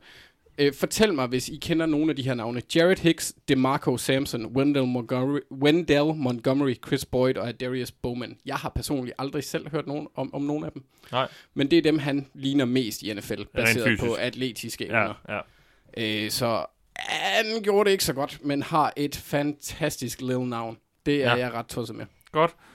Og med det synes jeg, vi skal gå videre, fordi vi har stadig en masse at snakke om, og tiden den øh, løber afsted. Vi skal snakke om free agency, fordi det begynder om en uge, faktisk. Øh, det begynder nok allerede sådan, ja, formelt set på mandag, fordi øh, der kan de sådan begynde at snakke lidt med hinanden, holdene af spillerne. Um, hvad er det for en free agency-klasse, det her? Hvor er styrkerne og hvor er svaghederne, sådan overordnet? Øh, altså, ja, safe, Generelt, ja. safety er en, er en relativt stærk gruppe, Ja. øh, hvor der er ja, faktisk en meget stærk Landon Collins, der er kommet med, Tyron Matthew, og ja, hvad er der? Jamen, der er Earl Thomas, Earl Thomas selvfølgelig, ja, ham glemte jeg også, og der er, øh, hvad hedder det, Lamarcus Joyner, og Adrian Amos, lige præcis, han var den næste, jeg skulle til at have, har Clinton Dix, Ja. ja. skulle vist også være der. Tyron Matthews. Kan du sagt ham? Jamen ham, ja, Ja, ja det, det, men så, så der, er, der er en del safeties, det Ja. bliver spændende at se. Ja. Øhm, Nogle andre generelle ting, uh, Thijs? Generelt er det ikke så stærk en overgang. Jeg synes, der er mange positioner, der Okay. er svage. Ja. Øh, specielt fordi, at alle edge rusherne er blevet taget, eller blevet franchise tagget stort set. Det var sådan lidt, at inden free agency, så sad man og tænkte, der er virkelig mange dygtige edge rusher med kontraktforløb. Nu er der fem af dem, der har fået tag, eller Ja, fire det er af dem, der det. har fået Ja. tag. De tager lige uh, toppen af det, så jeg, ja, der er ikke så mange, der er en position, og safety er nok næsten det bedste bud, men det er en position, som mange NFL-hold ikke sådan værdsætter super meget. Så øhm, det, det er ikke den bedste free, free agency overgang, vil jeg sige generelt. Der er Nej. et par enkelte store navne, men bredden er ikke så fantastisk, synes jeg. Nå, men så lad os gå videre, og så har jeg spurgt jer om, hvem der er de mest interessante i forhold til, hvor de kan ende. Altså, hvem, øh, hvad er det for nogle spillere, I kommer til at sidde og, holde ekstra meget øje med? CJ Mosley for mit vedkommende. Ja. Øhm, men det er også, Homer.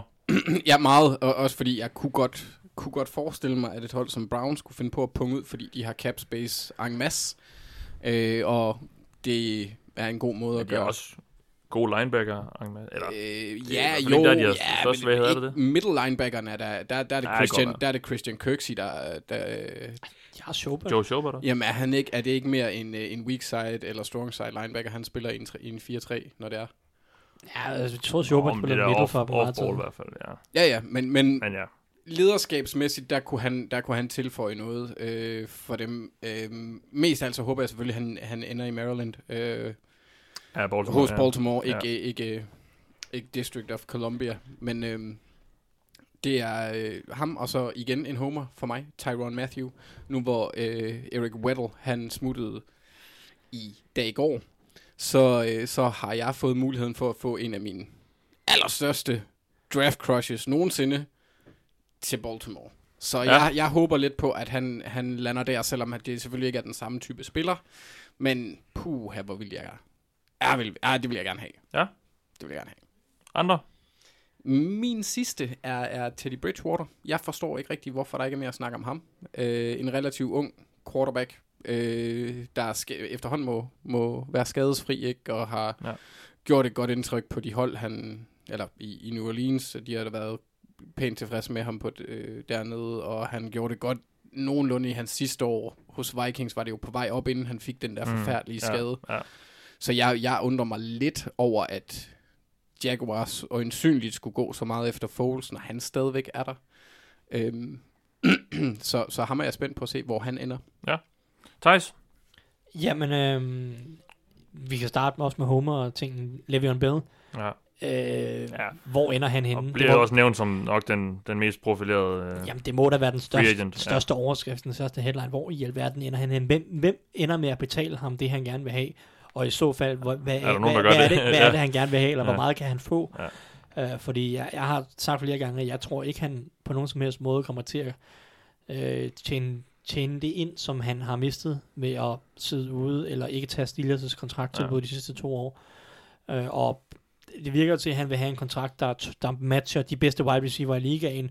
Det kan jeg ikke forestille mig, han får, men, men jeg, jeg glæder mig meget til at se, hvad, hvad det ender med.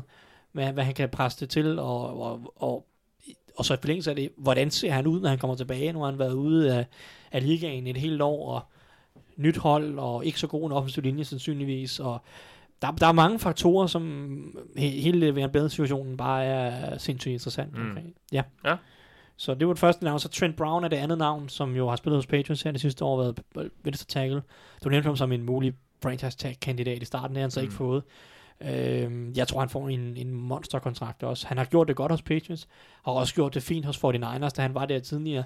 Men han er sådan en spiller, der har kæmpet lidt med at holde vægten nede, har kæmpet lidt måske med at være sådan, have den helt god arbejdsmoral i, i løbet af sin karriere. Så det er et spørgsmål, hvor meget folk er villige til at betale, og så om han, når han kommer det nye sted hen, kan spille på det samme niveau, som han gjorde hos New England. Så øh, jeg, glæder, jeg glæder mig meget til at se, fordi og han skal nok få en kæmpe kontrakt, fordi den offensive linje altid er en mangelvare i NFL. Ja. Og sidste navn er Anthony Barr. Og, og det, det her, nu snakker vi om Vikings forsvar tid, de har givet en hel del kontrakter til, til andre spillere, øh, Daniel Honda, Eric Kendricks og så videre. Anthony Barr virker som om, det er ham, der får lov til at gå. Og, og, og hvor lander han så hen? Han er sådan lidt en speciel spiller, fordi han er jo halv pass rusher, der var han i college, men han er så blevet omskolet til nærmest fuldtids linebacker hos Vikings. Og han er god, ret god mod løbet, og også en dygtig, stadig en dygtig blitzer, men kan man sådan, kan er han fuldtids linebacker i opdækningen, for jeg synes ikke, han er så instinktiv, så dygtig i opdækningen. Mm. Så det nye hold, hvor, hvor, hvor ender han henne? Fordi han er lidt en speciel fedt, øh, spiller, så jeg glæder mig til at se, hvilke, hvil, hvor, hvilke fedt han finder, øh, hvilke hold, der, der ligesom vælger at, at tage chancen på ham, og om det passer til ham på en eller anden måde. Så, så han er sådan lidt, fordi han er sådan lidt en unik spiller, så glæder jeg mig lidt til at se, hvor han egentlig helt præcis ender henne.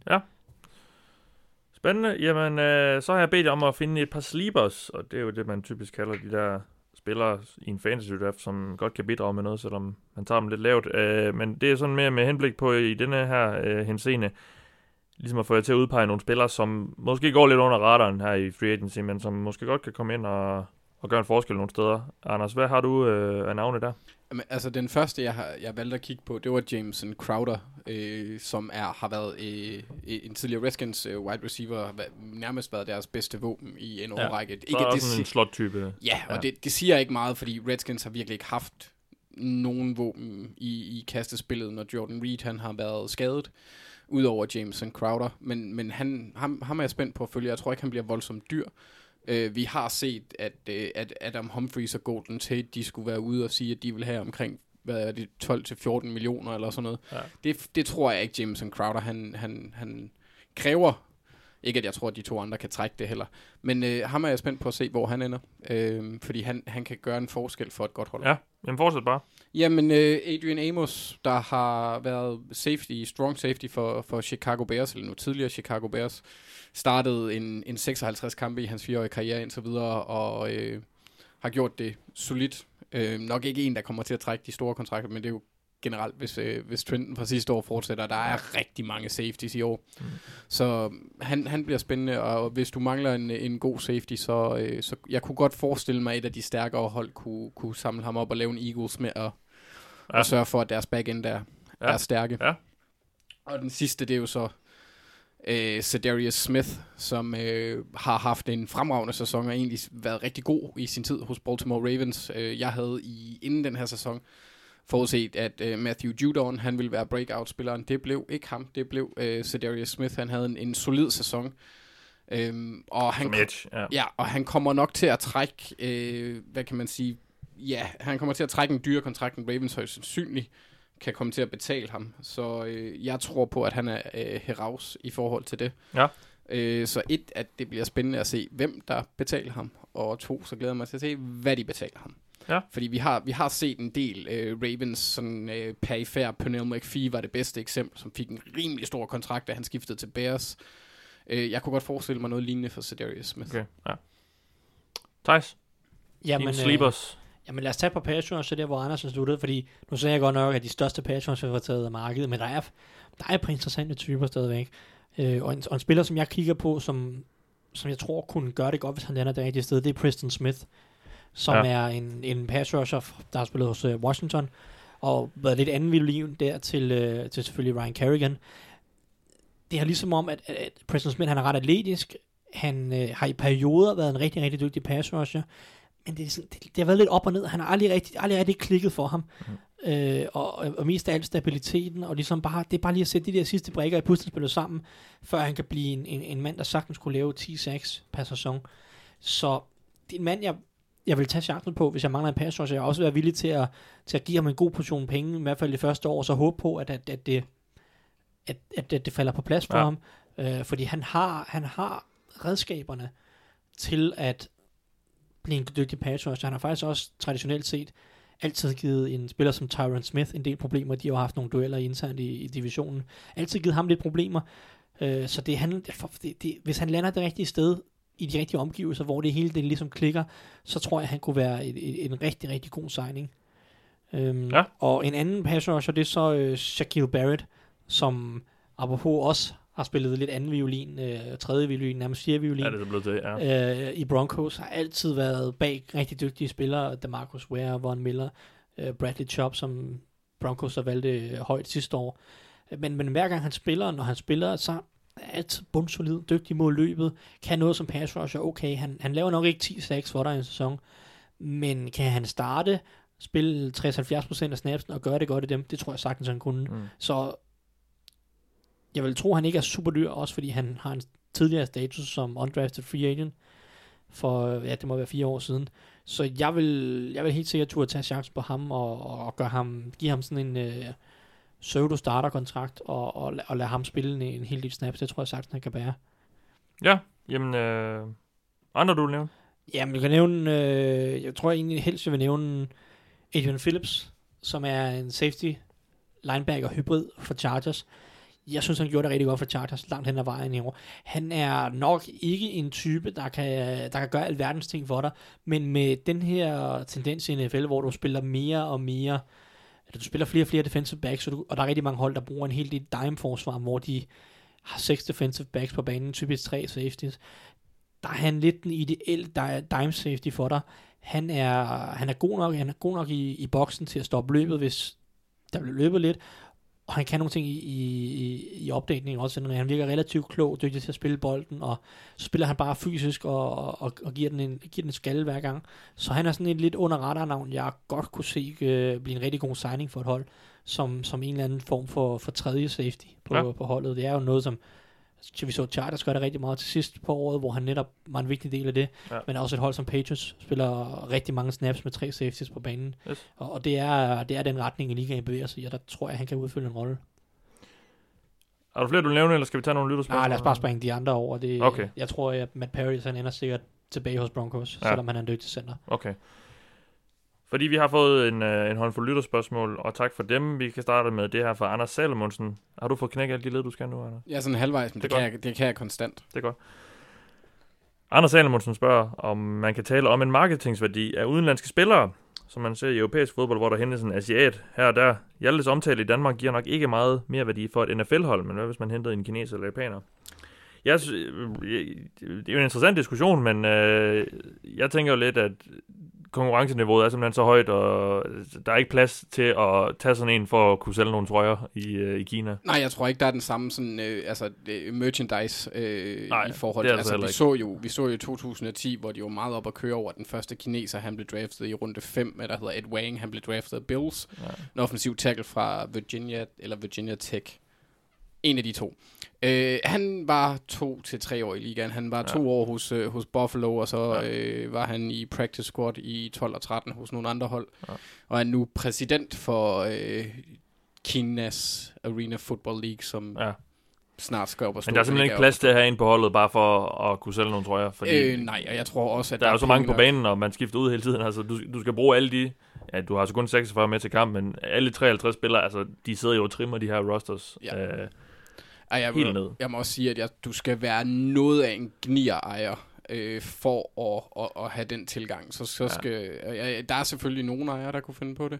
Og nu sidder Thijs og kigger på mig med sådan et, øh, nej, bare, bare fortsæt. et delikat look, så vil jeg gerne høre, hvad han siger.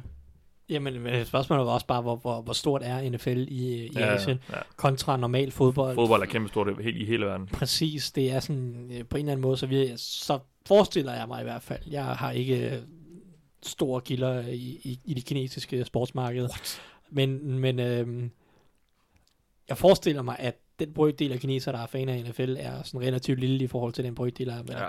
den, de, alle de amerikanske fans. Så ja, det er sådan en meget lille procentdel af, af den samlede fangruppe, man vil kunne forøge eller ja.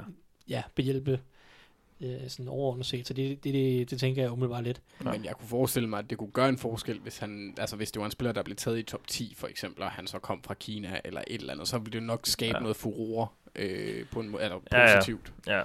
Men ellers ikke, så tror jeg ikke, det har nogen effekt. Nej, men altså, der går ikke lang tid før, vi har 6 millioner i alle forhold, tror jeg vel. Mm, mm, mm. Og Philip Andersen. Philip Andersen. Ja. Andreas Knappe. Præcis. Nå, lad os gå videre. Jakob Dækker spørger os, hvor hvis ikke Patriots ender Trey Flowers? Øh, der har været snak om Dolphins. Der er jo et åbenlyst link der mellem, ja. øh, hvad hedder det, deres nye head coach, med Flores, Brian Flores. Brian Flores. Øh, og der er selvfølgelig også en forbindelse til Matt Patricia i Detroit. De har mm. begge to arbejdet sammen med Trey Flowers og været med til at draft ham formentlig. Og det, jeg tror, han ender i Patriots. Ja, det tror jeg ikke. Nej. Fordi jeg tror, at han spiller for sådan en værdifuld position til, ja, at han ikke være. tager pengene ja, andet sted. Fordi du tænker selvfølgelig på den der Dante Hightower-situation, ja, ja, ja, ja. hvor at han er ude, og han hører lige, er der nogle gode tilbud rundt ja. omkring, og der var snak om Steelers, og jeg mener også, der var et andet hold indover. Mm. Uh, så ender han alligevel tilbage hos Patriots på en lille smule discount. Ja. Men jeg, jeg tror, tror du ikke, Bill Belichick, han... Altså, jeg ved godt, vi siger jo altid, at han ikke uh, gider betale ret meget for de der pass rusher. Ja. Men tror du ikke, han vil gøre det på et eller andet tidspunkt? Gerne, og jeg synes, han burde gøre det her ja, med Trey Flowers. Ja. Hvis jeg var Patriots, så ville jeg forlænge med ham, eller gøre ja. noget for at forlænge, men jeg havde franchise tagget ham, hvis ja. det var. Øh, men det er bare ikke deres métier, det er bare ikke deres fremgangsmåde, øh, umiddelbart. Så hvis de virkelig ikke er villige til at betale, lad os sige, hvis, lad os sige Patriots, de gerne vil betale 14 millioner øh, dollars om året til Trey Flowers. Det tror jeg ikke er nok. Jeg tror sagtens, der vil være, jeg tror, jeg tror sagt, der kunne være et hold, der vil betale ja. ham 17, op mod ja. 18 millioner om året. Ja. Ja. Og der er bare så stor en forskel pengemæssigt, at jeg tror, selvom Trey Flowers godt kan lide at vinde og, og spille for Patriots, så tror jeg bare, at han vil, der vil han tage pengene i, i en, øh, i en eller anden grad. Og der, der er, det er jo det, det er jo bare det, Patriots har, altså. Ja, ja, ja. De, de vinder Super Bowl. Men jeg tror, jeg tror bare, pa- jeg tror altså bare, pass rusher positionen er ja. en position, hvor holdene er villige til at give så mange penge, at at de kan overtale ja. dem ved at tale dem væk fra Patriots, fordi Hightower spillede en ikke så værdifuld position, linebacker, havde en del skader, som gjorde, at der var, der var nogle af holdene, der ikke ville give ham så mange garanterede penge, så ja. der er ikke så stor, nødvendigvis så stor forskel på de kontrakttilbud, han fik andre steder, og det kontrakttilbud, han fik hos Patriots. Så jeg, jeg tror bare, at Trey Flowers situation er lidt anderledes. Ja. Men, øh, men hvor han ender, det kan jo være hvilket som helst, for det handler bare om, hvilket hold, der vil punge ud i en mm. eller anden mm. grad. Men øh, det er klart, at Detroit og Miami har en forbindelse øh, på den defensive side ja, af bolden ja. til, øh, til ham. Så ellers derudover, øh, coach måske har mm. også pengene til det, og, og, og en mangel, men øh, jeg ved ikke, hvor, hvem det der skulle være. Lad os ikke gætte mere på det. Lad os så gå videre. René Lundgaard spørger os, vil en stor mængde af, vil en stor masse af edge rusher i det års draft påvirke markedet for alle de potentielle free agency edge-spillere i den kommende free agency, og hvordan? Det, det vil det vel. Måske ikke for, for, en, for en Trey Flowers, der, der stadig nok skal få 17-18 mil, eller hvis ikke øh, 15-16 i, i Patriots eller noget i den stil, men, men det er måske mere dem, der ligger i ladet nedenunder, som, som kan få det lidt svært. Jeg svaret er relativt nemt for alle, nej, men for dem, der ikke er de top, top 3 til top 5 pass rushers, ja, yeah, det, der, der vil det nok have en effekt ja. i forhold til størrelsen af kontrakten, de kan få. Ja. Øh, men, men jeg tror, ja, altså for de store, altså hvis det Marcus Lawrence, han ender med at ramme, hvis uh, Jadavion Clowney ender med at ramme, øh, på en eller anden måde, Eller, eller, eller, eller, ja, hvad fanden, hvis det ikke lige lykkes for dem, Mm. øh, og, og få lavet det der tag, eller, øh, ja, så tror jeg, den type spillere, som ikke er free agents godt nok, men er tagget, at de, vil, de skal nok få penge nok, og jeg tror sådan set også, at øh, altså, Trey Flowers, han får, som Thijs nævnte, han får nok også en ordentlig stor penge kastet lige i ansigtet. Ja. Det er nok mere de der Shaq Barrett-typer, som jeg nævnte, Ja, som, ja. hvor det kan ramme dem, at, at der er en god overgang i draften nu her. Og men så, taler det, så hjælper det jo nogle af de positioner, der er svage i free agency. Mm. Øh, undskyld, i, i draften. For eksempel linebacker-gruppen er rigtig svag i draften.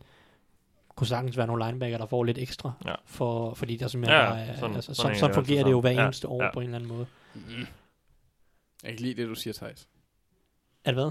At linebacker, de kan få lidt ekstra i år. Det, det, Ah, altså, mm. ja. Nå, lad os gå videre. Katja Kvarnø Vi har ikke spørger engang nævnt den bedste linebacker i free agency, Jordan Hicks. Han er Mm. bedre end CJ Mosley. I min bog. Nå. Han er bare ikke så meget på banen. Nej, det, han har nogle skadesproblemer, men han kan finde ud af at dække op. Det kan Mosley ikke så meget. Katja Kvarnø spørger os, hvad vi siger til rygterne om, at Todd Gurley har gik det i knæet. Udover Thijs siger, at running backs don't matter. Som det har Katja svaret, eller skrevet, det har jeg ikke. Uh, Les Need, som er general manager i Rams, sagde, at de måske skulle lade Gurley få færre snaps, så han kan holde hele året ud. Skal de beholde de running backs, de har, eller skal de finde ind i en free agency? Hvad siger vi til rygterne om, at han har gik det i knæet? Det synes jeg er pisse synd for ham, fordi han er Ja. ja. en fantastisk, altså han er en fantastisk fodboldspiller. Øh, fed at se, også selv. Ja, Forholdsvis Ja. ja. troværdig, vil jeg også mene, at Ja. der er noget galt med ham på Ja. lang sigt, fordi han kom ind i Ja. ligaen med en alvorlig knæskade fra college. Mm. Jeg hørte så Reggie Bush på NFL Network i går. Han sagde, at samtlige spillere i NFL, de har gik et eller andet sted i kroppen i større eller mindre grad. Men det, ja, men, Men- det kan så ja. være det i større grad for Gurley. Ja, det er så det. Så Øh, heller ikke et sjovt sted at have gik, når man er øh, Ja. running back. Vi kan spørge Karoline Wozniak. Jeg tror, hun, hun døjer lidt med det. Så det, det, Det- det er der noget, Ja, der... det Vi- tror jeg vi- vi inviterer hende Hun næste også være en gang. god running back i NFL. Ja, det siger jeg så ikke, men det er jo noget, det er jo ikke bare lige noget, man lever med nødvendigt. Eller jo, det er noget, man lever med, men det er ikke noget, der måske øh, der gør, at, at man kan fortsætte på det niveau, man, øh, man har Thijs, lyst du må til. ikke sige sådan nogle ting. Jeg får rene linjer meltdown. Altså, Skal vi lige prøve at, at svare på Katjas spørgsmål? Ja, øh, jeg Skal synes... de, skal de have flere running backs, eller skal de beholde dem her, eller skal de finde en free agency? Ja, altså, de, De skal jo finde ud af, hvad de vil med CJ Anderson. ja, ja, altså, ja, jeg kunne da godt forestille mig, at han har lyst til at komme tilbage. Det virkede også som om, Ja. ja. Sean McVay, han godt kunne lide ham. Men det kunne da godt være, at man skulle kigge lidt mere i den retning af at have en lidt mere øh, lidt større backfield i forhold til øh, at, at dele snapsene lidt mere ud. Jamen, de har Malcolm Brown, er han free agent? Ham ved jeg ikke, hans Det status. ved jeg faktisk heller ikke, om han er. Men, Fordi han er, han er jo en udmærket backup, backup. Øh, men det vil nok være smart lige at, og, og om det ikke lige kan fixe sig. øh, han er restricted free agent. Så altså jo, de, de skal ud og, og tilføje, hvis de ikke øh, beholder nogen af dem, de har jo. Fordi så sidder og står de jo tilbage kun med Gurley. Ja. Øhm, Men øh, jeg kan godt lide, at Katja selv, selv påpeger, hvordan running backs står med der. Og det her Ja. det er et af argumenterne for ikke at betale. Nej, det, det siger hun ikke selv. Nej, Nej, nej, det siger hun, nej, at du har sagt. Ja, Ja, og men hun påpeger, du hun har påpeger, påpeget. at jeg har... Undskyld, ja. Ja. Lad os få det øh, lige det sagt rigtigt. Men det her det er et af argumenterne for, altså jeg altid siger, lad nu være med at betale de her running backs Ja. masse penge. Ja. Fordi det er bare så udsat en position, og de bliver Ja. ja. bare mere skadet end de andre positioner. Og de er bare ikke lige så langtidsholdbare. Og jeg ved godt, at Frank Gore han eksisterer, og han kan godt blive ved til han er 45, men alle andre running backs i NFL's historie har bare Og nærmest, Adrian Peterson. Og Emmett Smith. ja, der er nogle enkelte undtagelser, men næsten ja, alle ja, andre running ja, ja, backs ja. løber bare ind i nogle skader og nogle skadesproblemer. Produktiviteten er Og bare... det er bare lige præcis herfor, og derfor man ikke betaler running backs meget. Netop den her Gurley situation. Det kommer et år efter, han skrev under på en dyr kontrakt. Og jeg ved godt, de kan komme ud af den nogenlunde smertefrit inden for et par år. Men det er bare... Det er ikke det værd, Nej. synes jeg.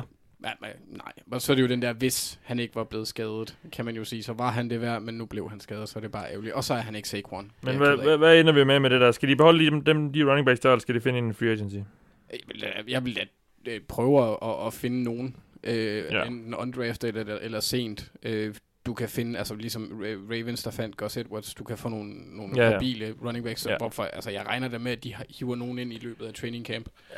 Og særligt, hvis det er sådan, han skal på skånekost, så skal de jo have nogen, der kan trække den også i, i, i uh, kastespillet. Og Ja. der er CJ Anderson altså en bøffel, øh, ikke en uh, gazelle.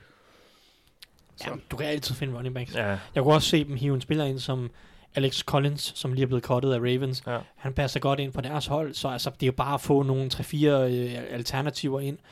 Øh, ja, altså Gurley er jo stadig deres primære running back. ja. Hvad de har bag ham er ikke super vigtigt. Vi kan se, at de kan hive free agents ind for gaden og stadig få meget produktion ja. af det. Øh, fordi at, at McVay har så, så godt et system, Yes. og den offensive linje er forholdsvis god. Øh, nu, mangler, nu kan de så godt nok miste et par offensive linjefolk, men stadigvæk, det er ikke så vigtigt, hvem de har på running back. Det, øh, det er jo generelt filosofien. Så det, det, de skal bare finde nogen. Godt. Lad os så tage det sidste spørgsmål. Det er stillet af Lasse Bø Grenvald. Han spørger spørgsmål til ikke eksklusive free, øh, franchise tags. Hvem, kolon, eller parenteser, hvis nogen af spillerne med kontraktudløb er to første rundevalg hver, mener, at det er lidt en gratis omgang for et hold at give dem et ikke eksklusivt tag, da vi vil skal op i Khalil Mack-klassen, før et hold vil give to første runde picks for en spiller. Og det er jo alt det her med... Og det gjorde Bears jo ikke engang. Nej, det gjorde de så ikke engang. Ja, jeg ved ikke, hvor relevant... Man, man, skal jo ikke, man skal jo ikke tage det så... Fordi det ender jo aldrig med. Det, det sker jo aldrig. Altså, der bliver altid fundet et eller andet. Vi, vi så Panthers for nogle år siden, apropos Gettleman, som vi snakkede om tidligere. Altså, de trækker jo deres tag tilbage, og så traded de... Øh, eller så, så, så, så lod de øh, Josh Norman gå øh, Ja. til, til Redskins. Altså, det sker bare aldrig. De her... Som, det, det ender aldrig rigtig sådan. Og ja, for at svare på en spørgsmål. Der er ikke ret mange spillere i NFL, der er to første runde hver. Nej, det Det kommer er de også... helt gode quarterbacks, måske. Jeg, jeg vil sige, hvis man skulle kigge isoleret set på det i den her sæson, så vil jeg da, så vil jeg måske, altså sådan, hvis man, hvis man så en Jadavion Clowney eller en Demarcus Lawrence, og du så er Packers eller øh, Patriots eller et eller andet, hvor du har et lavt første rundevalg, og det bliver et lavt første rundevalg, så vil jeg da tage chancen, hvis man havde behov for det. Men jeg tror ikke, det er sandsynligt, som du siger, så sker det nærmest aldrig. Og jeg slet ikke nogen af dem med kontraktudløb. Er vel to første runde valg hver. Nej. Jamen, det var det. Jeg håber, det var svar nok, Lasse. Og øh, det var det, vi havde på programmet i denne omgang af det ovale kontor. Vi vender tilbage på et tidspunkt, når Free Agency sådan lige er kommet godt i gang, og øh, de store navne har fundet deres nye hold, og så videre. Vi kan se, hvad de får i løn, og så videre. Så har vi noget at forholde os til indtil da. Må I jo hygge jer med, øh, med den udsendelse. Og igen, ja, det fik jeg ikke sagt til at starte med, tror jeg, men... Øh, der er jo en rigtig god grund til, at vi slet ikke har snakket om Jelle Froholds præstation til Combine. Det er fordi, vi dedikerede et helt program til ham omkring netop det i øh, lørdags. Det ligger inde på vores kanal som sædvanligt. Hvis I ikke allerede har hørt det, så gå ind og gør det. Der starter vi hans øh, præcision under kernebehandling, mig og Tejs, som du har lyttet til denne gang omgang. Jeg hedder Mathias Sørensen. Og udover Tejs Orange, så har du også lyttet til Anders Kaltoft. Vi lyttes ved.